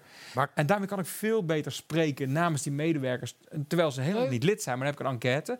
En ondertussen heb ik ook een vereniging en daar kun je lid van worden. En als je dan een individueel probleem hebt met een werkgever, dan staan we hierbij met arbeidsrecht en noem het allemaal toestanden. Nee, maar, je hoeft niet meer lid te worden voor die CEO bij mij. Dat Maar hoeft niet meer. Jij bent nu zeg maar dus eh, samen met ASML aan het regelen dat er een aparte CEO komt. Snap ik dat dan zo goed met u? Ja, ja, wij zijn bezig met een, met een traject om te komen tot een aparte CEO. En Daar Wie bepaalt uiteindelijk of dat er komt? Nou ja, dat is het ingewikkelde. Dat bepaalt uiteindelijk de FNV. Want zo zit de wereld dan Oh. toch eh, in elkaar met allerlei Ja, toch machtsverhoudingen. weer die fluitjes. Ja, en daar moeten, we, daar moeten we dan nog een keer een uitzending over eh, aan wijden volgend jaar. Maar de, eh, in alle eenvoud, die, die machtsstructuren, die zitten allemaal zodanig in elkaar. Dat is echt bizar. En ik vind het heel raar dat die, die, eh, eh, die vakbond, die eigenlijk zo klein is, die over zo'n klein deel van de Nederlandse samenleving maar echt iets te zeggen heeft, omdat je maar heel weinig leden hebt. Dus hoe, hoe kun je nou als, als vakbeweging een soort van waarheidsmonopolie claimen? Hè, van wij weten hoe het zit. Terwijl je eigenlijk maar 5 of 600.000 werkende mensen hebt georganiseerd die allemaal blank zijn, allemaal 55 jaar en ouder. Dan chargeer ik een beetje, maar dat is wel het beeld. Als ik in mijn vereniging kijk naar de hoeveelheid jongeren onder de 30, ja, die zijn verwaarloosbaar. Dat is natuurlijk bij FNV en CNV precies hetzelfde, ondanks Young en United. Ja, dat Maar- is, het is gewoon niet, het is niet meer Nee, de dus tijd van Jimmy Hoffa, jongen. de- Echt, eh, Nee, nou ja, kijk, het feit alleen al dat ik dit zeg, ik moet heel even uitkijken dat er niet daar een paardenhoofd in mijn bed ligt. Nee. Want ik maak, de, ik maak de macht van de vakbond hier natuurlijk wel gewoon even bespreekbaar. En die, die, is, die is onevenreden groot ten opzichte van de inhoud en de kwalitatieve toevoeging die we hebben aan het echte inhoudelijke debat. En dat, dat, is, een, dat, dat is iedereen die op, op de, in de comments gezegd heeft van de vakbond is dood. Ja, de, de bond zoals we die kennen is hartstikke dood. Maar het werk wat wij doen, dat blijft nog jaren bestaan. Dat is hartstikke belangrijk. En daar moeten we nieuwe dingen voor uitvinden. En daar, daar loop ik graag in voorop. En, Ja, eh, ik hoop eh, trouwens ja. niet eh, dat je zo eindigt als Jimmy Hoffa. Eh, nee, Die zijn nee. ze nog steeds kwijt ook, geloof Ja, ik. Ze ja, weten niet ja, waar die, eh, waar ja. die is. Over, Bart, over, ja? nou ja, over dat vooroplopen. Eh, eh, Renier en ik hebben elkaar ontmoet enkele jaren geleden, omdat hij geïnteresseerd was in het Geen Pijlplan, waarmee wij de Oké. vruchteloze campagne Tweede Kamer, et cetera, maar het systeem daarachter en het idee daarachter, om een, een, een Mhm. centraal systeem te bedenken waarin je mensen inspraak kan geven en wat direct. Liquid democracy achter. Nou ja, ja, je, je, ja inderdaad. Je, je, je organisatie vloeibaarder maken en ook toegankelijk maken voor mensen. Nou, wat je net zelf over ASML eigenlijk als voorbeeld geeft. Niet iedereen is lid, maar wel iedereen krijgt inspraak. En dan krijg je toch een beter beeld van hoe je Ja. naar voren zou kunnen bewegen. Dat, dat deden wij natuurlijk een beetje, probeerden wij een beetje met... eh, steeds minder mensen zijn lid van een politieke partij, maar iedereen heeft iets te zeggen in deze democratie. Dus hoe krijg je toch zoveel mogelijk input, et cetera. Nou, Ja, wij, wij hebben in Nee. diezelfde tijd dat, dat jullie daarmee bezig waren met... eh, wil je afsluiten? Nee joh, nee, oké, waarom ben je ja, bang dat je eruit trapt of Nee, zo? nee, nee, Jij heb- ziet eruit als een portier van de nachtclub. Ja. Ik bedoel, eh, Jij kan ze eruit schoppen. Dit is er eh, ook niet te flitsen gewoon. Nou ja, laat verder zitten. Maar, nee, nee. ehm, eh, Heerlijk niet flitsen. Zeg. Nee. Zegt die Duitse disco-kuif hier zo. I know. Nee, ja, nee, ja, maar- Nee, maar in, er wordt daarachter heel hard gelachen. Het is wel gezellig. Nee, Ze zijn maar- niet voor niks zo ver weggezet, die regie, jongen. Nee, maar wat, wat, wat denk ik gewoon heel, heel belangrijk is om, om, om te weten, is dat in die tijd dat ik jou dus opzocht om, om te kijken hoe jij met die democratie met geen pijl aan de gang was. Dus dat, wij- zijn dus zelf ook bezig om dat enquêtemiddel bij ons ook gewoon echt steeds verder te ontwikkelen om die democratie maar te laten prevaleren. En wat wij toen deden, er werd toen een staking aangekondigd midden in de zomer. Dat was overigens ook bij KLM. En er werd een staking aangekondigd door de FNV omdat er een, eh, eh, eh, ja, een enorm conflict zou zijn. En toen heb ik met eh, ehm, eh, de eerste versies van mijn enquêtemodel... heb ik toen heel erg hapsnap een enquête uitgerold bij KLM. En eh, rond lunchtijd heb ik die verspreid met daarin de titel... Spoed jouw hulp gevraagd. En dan klikken heel veel mensen. En daardoor kwam er een enorme respons. En toen bleek gewoon dat 89% van de respondenten... helemaal geen behoefte had aan die staking. Nou, vervolgens heb ik de resultaten van het onderzoek... die bijna representatief waren voor de populatie waar dit over ging... Die, dat, ik had maar een paar mensen tekort. En met, met die resultaten heb ik uiteindelijk gewoon ehm, eh, ehm, eh, bij, bij één vandaag in de uitzending kunnen presenteren dat 89% van de KLM'ers eigenlijk best wel tevreden waren over het resultaat wat er op tafel lag. En daarmee was de tweede staking die er kwam uiteindelijk van de baan. En ehm, eh, eh, is het mijn doel om een, om een staking te voorkomen? Nee, absoluut niet. Maar mijn doel is om de werknemer te laten spreken over zijn eigen CEO. En het ingewikkelde is, als je dat overlaat aan de leden van de vakbond, dan heb je per definitie wat bozere mensen dan de mensen die daadwerkelijk werken bij een bedrijf. En eh, zolang wij geen 100% organisatiegraad hebben, hebben wij de verantwoordelijkheid om te luisteren naar iedereen waar we wel die CEO over afspreken, niet alleen onze leden. Maar goed, een hele andere vraag. Reageer jij weer? Reageer jij bij ons? Nee, Echt niet? nee, Je nee. mag het zeg- zeggen hoor. Nee, dat doe ik niet. Ik ben wel lid van Geen Stijl al. En, en, en eh, ik heb volgens mij nu tien jaar... Ik ben Geen Stijl gaan lezen toen ik las dat jullie jezelf gingen opheffen. Dat was een 1 april grap. Ik had daarvoor nog nooit van Geen Stijl gehoord. ik weet niet in welk jaar dat is geweest. Maar laat het 2004, 2005... Ik heb geen idee. Maar Dat is dat, al lang, ja. dat is heel lang geleden. Toen ben ik Geen Stijl pas tegengekomen. Toen ben ik het gaan lezen. Heb ik een keer een accountje aangemaakt. Ik heb nooit gereageerd. En ik ben nu, eh, toen ik las dat de mainstream media... ehm, eh, zeg maar coronasteun kregen en weet ik wat allemaal... En, en jullie niet. Toen dacht ik, nou, nu word ik lid. En toen heb Heel ik eh, eh, ehm, eh, maar liefst eh, 66 euro en 66 Kijk, cent over. Maar dat blijft toch een, toch een mooi bedrag. Of mooi getal, dat 66. Kutgetal. Dat was ooit- dat. Nee, 66 vind ik echt een Het was ooit een mooi getal. kutgetal. Wij zijn, wij zijn 100% coronasteunvrij. Ja, wij ja. hebben geen cent Ik ook helaas, kan ik je vertellen. Ehm, maar ik, ik maakte hem vanwege de reaguursvragen die eraan komen. Ja, Ben je er klaar voor? Ik heb je Ja. nog een beetje water. Ja, eh, lekker, ja, zou zeggen, ja. doe toch maar even een nou, biertje. ja nou, nee, eh, nee, doe geen biertje. Ehm, eh, maar de, de, de eerste vraag, die heb je er vast niet bij zitten. Dat was de vraag van, wa- eh, weet je nog waar je was dat... Wat, wat, Ja. gewoon... Ja, je hebt het je geleerd. Je hebt beter alle vragen voorbereid uit je dan hoofd ik, geleerd. eh. De bekendheid die ik heb is zo nihil dat er maar 40 reageerders waren, reaguurders waren die, die de, de moeite namen, zeg maar. Dus, Oké, petje. De Ja, die had- padje, die had er wel veel, Ja, die Ja. zit er vaak bij hoor. Ja. Die zijn best wel interessante vragen. Hoe kan het dat we steeds meer zijn gaan produceren per persoon? 100 keer zoveel als 100 jaar geleden. Ik weet niet of de cijfers kloppen hoor. En dat we toch niet eerder stoppen met werken, maar juist langer door moeten werken tot ons 67ste. Ja, Ja, daar zit een, eh, eh, eh, een, een verhaal achter, wat eigenlijk kort samen te vatten is. Fijn. de, de, ja, fijn. De, de, de vakbeweging heeft de afgelopen jaren, ehm, eh, denk ik, zich te veel gericht op het, op het Haagse en te weinig op de werkvloer. Daar zijn allerlei eh, eh, theorieën over. Je hebt de logic of membership en de logic of influence. En wat je ziet is dat die vakbeweging in allerlei golven zit. En op het moment dat je dus te veel richt op de influence, dan zit je te veel in Den Haag. En dan worden veel eh, vakbondsmensen toch gewoon ook een onderdeel van het establishment. En daarmee ook gewoon onderweg naar eigen loopbanen, et cetera. En dan zie je gewoon dat dat wat verwordt. En, ehm, eh, en je ziet gewoon dat op het moment dat er veel meer focus is op die CAO-tafel, eh, eh, dat die lonen misschien zich ook wel wat beter ontwikkelen. Je ziet die strijd nu binnen het FNV ook als het gaat om de voorzitter. Hè. Er is de voorzittersverkiezingen binnenkort. En er zijn twee kandidaten vanuit het bestuur, vanuit zeg maar een beetje meer hè, dat, dat, dat, dat influencer-gedeelte waar het bestuur gewoon in Den Haag zit. En dan heb je Niek Stam die zichzelf kandideert en die zit veel meer aan die logic of membership en die zit veel meer aan die CAO-tafel. En daar is een enorme strijd binnen FNV nu van welke bocht nemen we. En ehm, eh, ik denk dat er te veel in, eh, in Den Haag gepraat is en te weinig gewoon op de werkvloer gewoon eh, Al die, lekkere linkse rakkers die er bij de FNV en de CNV zitten, zijn die dan zo gevoelig voor de baantjescarousel, wat ze in Den Haag voor Nou, nee, kijk, dat, dat, dat is, dat is, dat is, de, dat is de, de, de, ehm, het tekort. Maar soms kun je ook dingen uit het oog verliezen doordat je gewoon je focus verlegt. ja, En, omdat eh, je je focus misschien verlegt op een carrière nou ja, in Den Haag. eh, ehm, eh, eh, met, met Wim Kok als grootste voorbeeld. Hè. Eh, ehm, ehm, maar het, het, het ingewikkelde is gewoon, eh, die vakbeweging, die, eh, die heeft daar een deel gewoon niet goed op zitten letten de afgelopen 25 of 30 jaar. Maar er zit ook een ander element in. Dat, en dan krijg je een kip en een ei.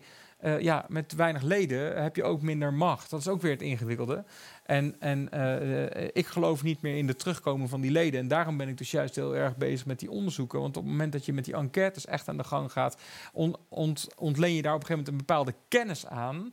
Met, en met die kennis kun je diezelfde kracht aanwenden. Want dan spreek je wel namens medewerkers. Dan hoeven ze bij mij niet lid te zijn en mij 17 euro in de maand te betalen. Dat mag. Ik bedoel, bij ons moet de kachel ook roken. Maar ehm, eh, in alle eenvoud, hoe meer je echt met die werkvloer praat, en daar ben ik mee bezig, ehm, eh, kan ik ook namens die medewerkers aangeven dat dingen wel of niet goed genoeg zijn. En daar, daar moeten we echt naar terug. Eh, dus eh eh, eh, een beetje een belangrijke vraag, maar ik zou zeggen, als je sympathie hebt voor een vakbond, wo- word dan lid. Nee, en, nee. en blijf niet langs de zijlijn staan. En je hoeft niet lid te worden van mijn organisatie. Ik geloof daar niet in. Oké, Ja. daar. Ja. Pek, je hebt nog een vraag. ja, dat dacht ik al. Ja. Waarom zou je nog lid worden van een bakbond? Zo, van een bakbond? Van een Nee. bakbond. Waarom zou je nog lid worden van een vakbond... terwijl je tegenwoordig voor een appel en een ei... op maat gemaakt juridisch advies kunt krijgen... wat beter is dan een overkoepelende organisatie... die voor een hele groep spreekt? Nou, dat is een heel simpel antwoord. Ehm, eh, eh, op het moment dat een verzekeraar jou als klant binnen kan halen, beloven ze je van alles. En eh, zijn ze hartstikke blij dat ze je premie mogen ontvangen. Maar op het moment dat je dan gebruik wil maken van hetgene waar je voor verzekerd bent, gaan ze vooral kijken waar de grenzen liggen van hetgene waar ze je dan nog op moeten helpen. Dus op het moment dat je je meldt als klant, ben je in een casus. En die casus moet zo snel mogelijk gesloten worden. Daarvan uitgaande dat je lid wordt van een vakbond eh, die ook bij jou op je werkvloer over de vloer komt, dan ga ik ervan uit dat er ergens, ondanks een, een gepolariseerd beeld tussen werkgevers en vakbonden op sommige momenten, ga ik er toch vanuit dat er goede zakelijke relaties zijn tussen die vakbond en die werkgever. Als je dan een keer een conflict hebt, dan is die vakbond veel beter in staat om op basis van het ja, toch wat meer informele netwerk ook misschien toch wat meer resultaat te behalen. En dat maakt dat ehm, eh, eh, zo'n vakbond ook voor jou op dat moment veel beter de weg weet om iets eh, op te lossen. En daarmee heeft de vakbond eerder het uitgangspunt, zullen we kijken of we het arbeidsconflict kunnen oplossen. In de plaats van die verzekeraar die zegt, laten we het arbeidsconflict maar afkopen. En dan ben je dus werkloos. En eh, dus eh, ehm, eh, daar zit echt wel een stukje toegevoegde waarde. Heb je daar 17 euro in de maand voor over? Ja, dat weet ik niet. Ehm, eh, daar ga je zelf over. Ehm, eh, maar dit is wel echt een heel belangrijk verschil in de uitvoering. op het moment dat je die verzekering gaat, gaat claimen. En ik weet nu dat er allerlei mensen Nee, zeggen. dat- Ja, vakbonden, die hebben, ja, toen hebben ze voor mij ook niks gedaan. Maar Nou, dit dat is is essentie, dit is verschil. Ik ging namelijk natuurlijk even googlen en ook op jullie adres in, eh, Ja. in Culemborg. En dan Ja. krijg je 40 reviews erbij. Ik denk, hoezo ga je vakbond review? Ja. Er zaten inderdaad een paar reacties. Tuurlijk. Oh, er helemaal niks voor. Ja. Maar de eerste reactie vond ik zo leuk. Je kunt er prachtig wandelen met je hond als een fiets. Ja. Oké, dat is Ja. inderdaad ook heel belangrijk. Eh, we hebben er nog een van Heflan de Muru. De Muru. Ik weet niet hoe je het uitspreekt, maar goed. Iedereen hebt het altijd over JFK en 9-11. Maar weet u nog waar u was toen u hoorde dat Grols van 50 naar 45 centiliter ging? Ja, grappig. Nou, daar wilde ik dus net inderdaad over beginnen. Dat is misschien wel de belangrijkste vraag. Ja, ik denk gewoon na de eerste slok. En dan weet je altijd nog waar je bent. Want na de eerste slok van 50 naar 45 en iets anders kon ik niet vinden. Ik heb echt mijn best gedaan. Eh, een vader van een vriend van mij die werkte eh, tot zijn pensioen bij Grols. Maar daar kreeg ik het antwoord ook niet. Ik heb nog een suggestie. eh, voor, ja, ik heb echt gewoon geprobeerd het antwoord hierop te krijgen. Maar zelfs Dus de vakbondleider kreeg het, kreeg nee, het nee, antwoord maar ik, niet, ik, ik, ja, ik kan niet verder komen dan... Ja, je neemt de eerste slok en er zit er nog maar 45 centiliter in. Dat is misschien een hele flauwe, maar eh, dat is de enige antwoord wat ik nu kon verzinnen. Sowieso Grols niet te zuipen, maar goed. Ja. Hop, sorry. Eh, die was trouw eh, van ZOMG. Eerlijk, het is lang hoor, maar eerlijk is eerlijk. KLM had zonder Air France niet kunnen overleven. In, Hebben we 2000 vastgesteld, ja. in 2004 stond KLM er echt wel slecht voor. Daarna is KLM in tegenstelling tot Air France weer helemaal opgebloeid en begonnen te knellen. Het is zuur dat ze niet mochten groeien, omdat de Fransen dan voornamelijk de vakbonden en dan voornamelijk de vakbonden weer op hun pik getrapt waren. Dus ja, een vraag voor de heer Kastelein, dat bent u. Waarom zijn die bonden in Frankrijk zo enorm machtig en hier niet? En zou je in Nederland solidair moeten zijn met Franse arbeiders als het je eigen achterban hard zal treffen? Ja, in, eh, in Frankrijk zit het vakbondsmodel, het vakbondsleven heel anders in elkaar. Daar heb je sociale verkiezingen. Dus je hebt in Frankrijk heel veel vakbonden. Dat lijkt alsof die vakbonden ontzettend machtig zijn. Maar die vakbonden zijn in Frankrijk hartstikke klein. Daar is de organisatiegraad, het aantal mensen dat lid is van een vakbond in Frankrijk, is nog veel lager dan in Nederland. Maar wat daar gebeurt is dat die vakbonden die hebben een, eh, eh, een, een aantal eisen waar ze aan moeten voldoen. Ze moeten volgens mij voorstander zijn van de Franse Republiek. Je moet een aantal jaren bestaan. Eh, eh, allemaal van dat soort toestanden. En dan mag je meedoen aan verkiezingen. En bij die verkiezingen moet je jezelf dus profileren. En dan op het moment dat je dus dan profileert, dan krijg je de meeste stemmen. En, en de, de vakbond die dan eh, de meeste invloed wint dankzij die stemmen, heeft daarna ook aan die CAO-tafel of in al die overlegfases zeg maar, dan wat te vertellen. Ehm, eh, maar ja, je kunt natuurlijk ehm, eh, ervan vinden wat je vindt. Maar het over de hekken jagen van Air France-directeuren, zoals we dat de afgelopen jaren zien.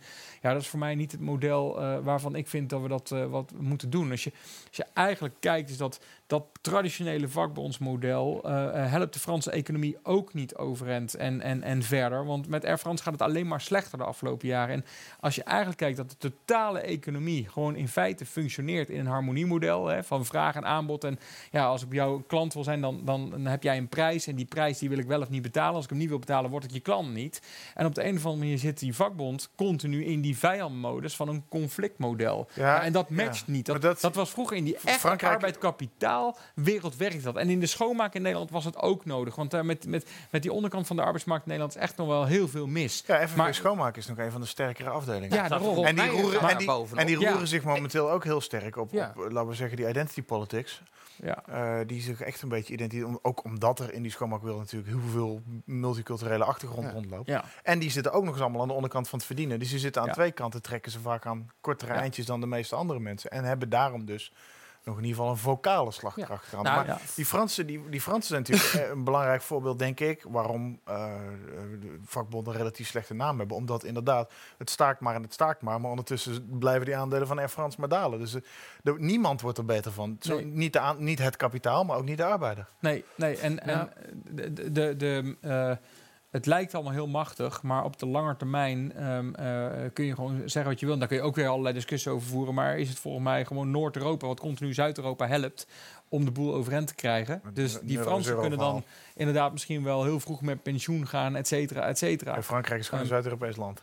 Eh, ja, ja, Ja. Wij, wij, wij moeten dat redden. En Vanaf van- Brussel begint dat al. En ja, naar en, en, en vervolgens kun je natuurlijk wel zeggen... ja, en waarom zijn wij dan zo gek hier in Noord-Europa... dat wij dat dan allemaal redden? Maar dat zijn echt andere discussies. Maar ik vind die macht van die vakbond... je kunt dingen tegenhouden, maar in dingen tegenhouden... zit per definitie nooit vooruitgang. En volgens mij is innovatie de drijfkracht van de toekomst. Wauw, dit vind ik een hele mooie tegel. Ja, zullen we afsluiten? Nee. Nee, oh, nee Maar ja, jij, ik- jij ja, denkt dat ik eh, wil afsluiten. Je denkt dat ik jou niet interessant vind. Dat is helemaal niet waar. Nee, we je, bent, lekker door. je bent buiten mijn bubbel. Daarom vind ik het Ja. wel inter- heel Ja. interessant. Ja. Maar moet ik me, had ik me, eh, of dus ik heb me iets meer moeten voorbereiden dan bij, bij, bij veel gasten die ik wel ken. Hij heeft heel veel uren gemaakt voor deze uitzending. Dan hoor je, dat is een dure uitzending dit. Dat Ja. valt wel mee hoor. Ik krijg niet per uur betaald Oh, dat is Ik helemaal krijg, krijg ja. wat voor je. Dat is het. En een biertje. En ik mag zo met de geluidstechnicus word ik thuisgebracht.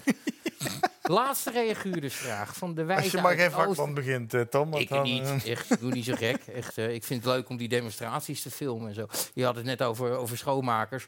Voordat Ron Meijer eh, voorzitter werd van de SP, deed hij dat jarenlang verdomde goed bij, Ja, bij, bij, de, bij de schoonmakers. Heeft hij Ja. echt wat voor elkaar gekregen. Ja, ik vind, Daar ik, ik verdient vind hij echt alle, alle credit Ik ben met je voor. eens. Ik ben niet altijd eens met, eh, eh, met ehm, eh, ehm, de enorme vasthoudendheid in de aanval op, die, eh, op dat neoliberalisme. Daar zit natuurlijk een enorme kern van waarheid, maar niet alles ligt aan het neoliberalisme.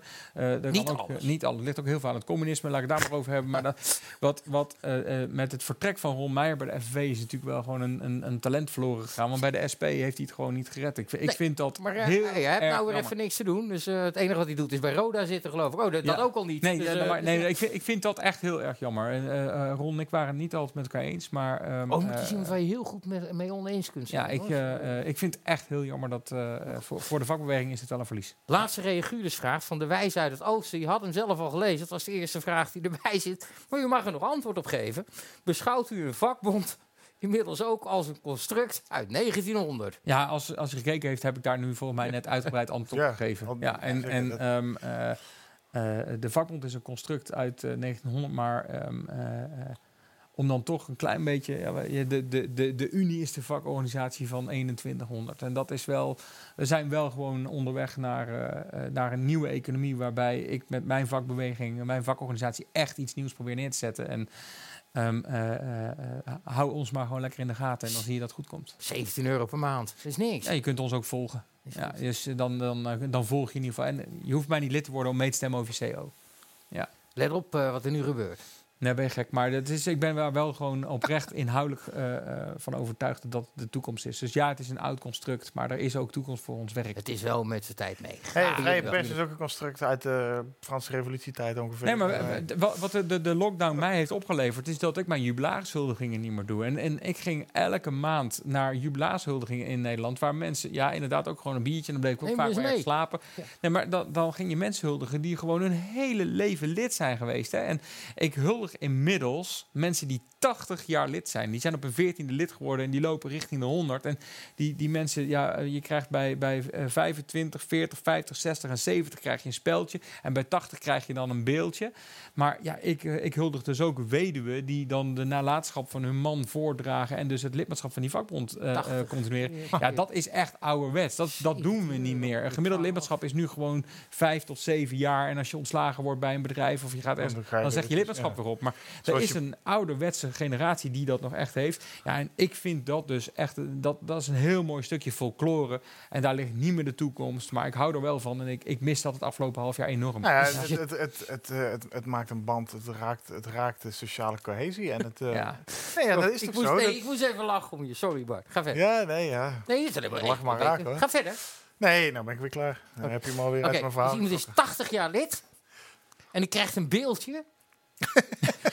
Weet je wat je betaalt, of heb ik net zo uitgegeven, die 17 euro per maand? Dan heb je dus na 80 jaar 16.320 euro betaald. En dan komt Reinier Kastelein een beeldje brengen. Ja. Eh, zelf met Ja. een gipsvormpje gemaakt? Ja, Of, eh? nee, nee, het is, het is, wel, het is wel een bronsbe. Ja, dit moet je dus niet... maar Weet je, zullen we dit er gewoon uitkiezen? Zullen we toch maar... we Nee, is live. Nee, Nee, jij is- de live. Nee, nee, dit is gewoon nee, helemaal waar. Nee, maar dat is nou het mooie. Luister, de vragen. volgende keer Ja, moet nee. voor de Nee, Schiphol. En Ja, nee, maar... Eén nee, vraag voor Bart. Ja. Ik heb nog één Nee. vraag voor Bart en nog één vraag voor jou. Ja, maar die, die, die 16.000 euro, dat is natuurlijk helemaal waar. En wat het mooie is, Niet dat meen ik echt serieus. Ik, ik, nee, nee, maar, nee, maar het is wel waar. En het, leuk, nee, maar het leuke is, dit is wel serieus. Ik geef die mensen, want dat mag dan nog, hè, tijdens huldigingen gaf je die mensen altijd een hand. En, en dan zeg je van, joh, wanneer bent u nou toch lid geworden? Ja, dan zeggen ze, 80 ja, jaar geleden. ik ben, ik ben lid geworden. Nou, die van 80 jaar geleden zeggen dan bijvoorbeeld uit solidariteit met de baksteenbakkers. Ja, ik bedoel, dat, dat is nu allemaal 3D-printing bij wijze van spreken. Dus dat is waanzinnig, die, die eh, vooruitgang. Maar ook gewoon mensen die lid worden. Ja, er dreigde een ontslaggolf en ik ben toen lid geworden. En toen heb ik de Unie gebeld met de als er wat is, helpen jullie me dan? Ja, en toen heb ik eigenlijk nooit hulp nodig gehad. Maar ik werd zo vriendelijk te woord staan en ik ben gewoon lid gebleven. En ja, die generatie, die is er niet meer. Dus ja, het is een instituut uit, eh, uit verlo- vervlogen tijden, maar ons werk heeft... Nee, nu krijg je Google 80 jaar reviews hoe goed er tegen je pand aangepist kan worden door de hond. Ja, ja. ben, je weer, ben je dus 80 jaar lid, dan ben je ongeveer eh, 96, ongeveer 100 of zo. Ja. Krijg je een beeldje, dan kan je dan nog drie weken naar kijken en is het ook klaar, weet je. Ja. Ja, ja, Ja, maar, maar, ja, maar dat geld ben je ook kwijt in die rechtsbijstandverzekering en dan krijg je geen beeldje. Nee, dat, Dus dat, is, vind- eh, dat is, vind ik een heel goed punt. Bart, En ik Ga- spreek ook nog wel eens op begrafenis. Begin je er nou ook nog een te tetteren? Ja, sorry. Nee. Vertel Bart. Tom wil heel graag zijn nog- laatste vraag aan mij stellen. Ja, heb je nog een prangende vraag voor de heer Kastelein? Eh, nee, ik had... Ik, nee. D- dit zegt nog niks. Echt, eh Nee, Nee, ja, dat heb nee, ik vorige week gezien. eh, Ja. Lieve En de week Renier Kastelein, bedankt Ja. voor je mooie verhalen. De vraag is altijd aan het einde, heb je het gevoel gehad dat je alles hebt kunnen zeggen... of is er nog iets wat je kwijt wil? Nou, het is hier zo koud dat ik dadelijk lekker een trui aantrek. Ja, nou, dat is jammer. Je hebt pech, je mag de mok mag je houden. Ja, dat wist ik. En daarom was dit, dit En gewoon... eh, eh, ja. ja. ik vind het ook wat tegenvallen. Je krijgt, eh, je krijgt een t-shirt. Kennelijk was de voorraad op. Ja, ja, nee, Skip fantastisch, 2020, jongens. ben je het mee eens? Eh, eh, ja, Skip 2020. Het is een, eh, een, een, een bijzonder jaar, maar ik denk dat 21 ook geskipt mag worden. Hoor. En We zijn, er Denk nog, je dat? we zijn er nog lang niet. We gaan, En- maar we gaan er wat moois van proberen te maken. Ja, uiteraard. Weet je, Utrecht wordt kampioen. en, eh, eh, en eh, we gaan allemaal gekke dingen. Word je eindelijk een keer kampioen, mag er geen publiek bij zijn. De- ja. Ja. precies. Ja, ook dat. Ja. Nou, weet je, ik kreeg vandaag dus gewoon een mailtje van Tom, heb jij nog een laatste prangende mededeling? Nee, ja, ik heb ook nog een onzinnig verhaal om te vertellen. Nee, eh, eh, eh, eh, dat er vandaag tussen half negen 's ochtends en half negen 's avonds misschien iemand van FC Utrecht langs zou komen met een cadeautje. Ik denk, die hebben nog echt nog, nog een langer tijdslot dan bol.com, weet je, om je spullen te brengen.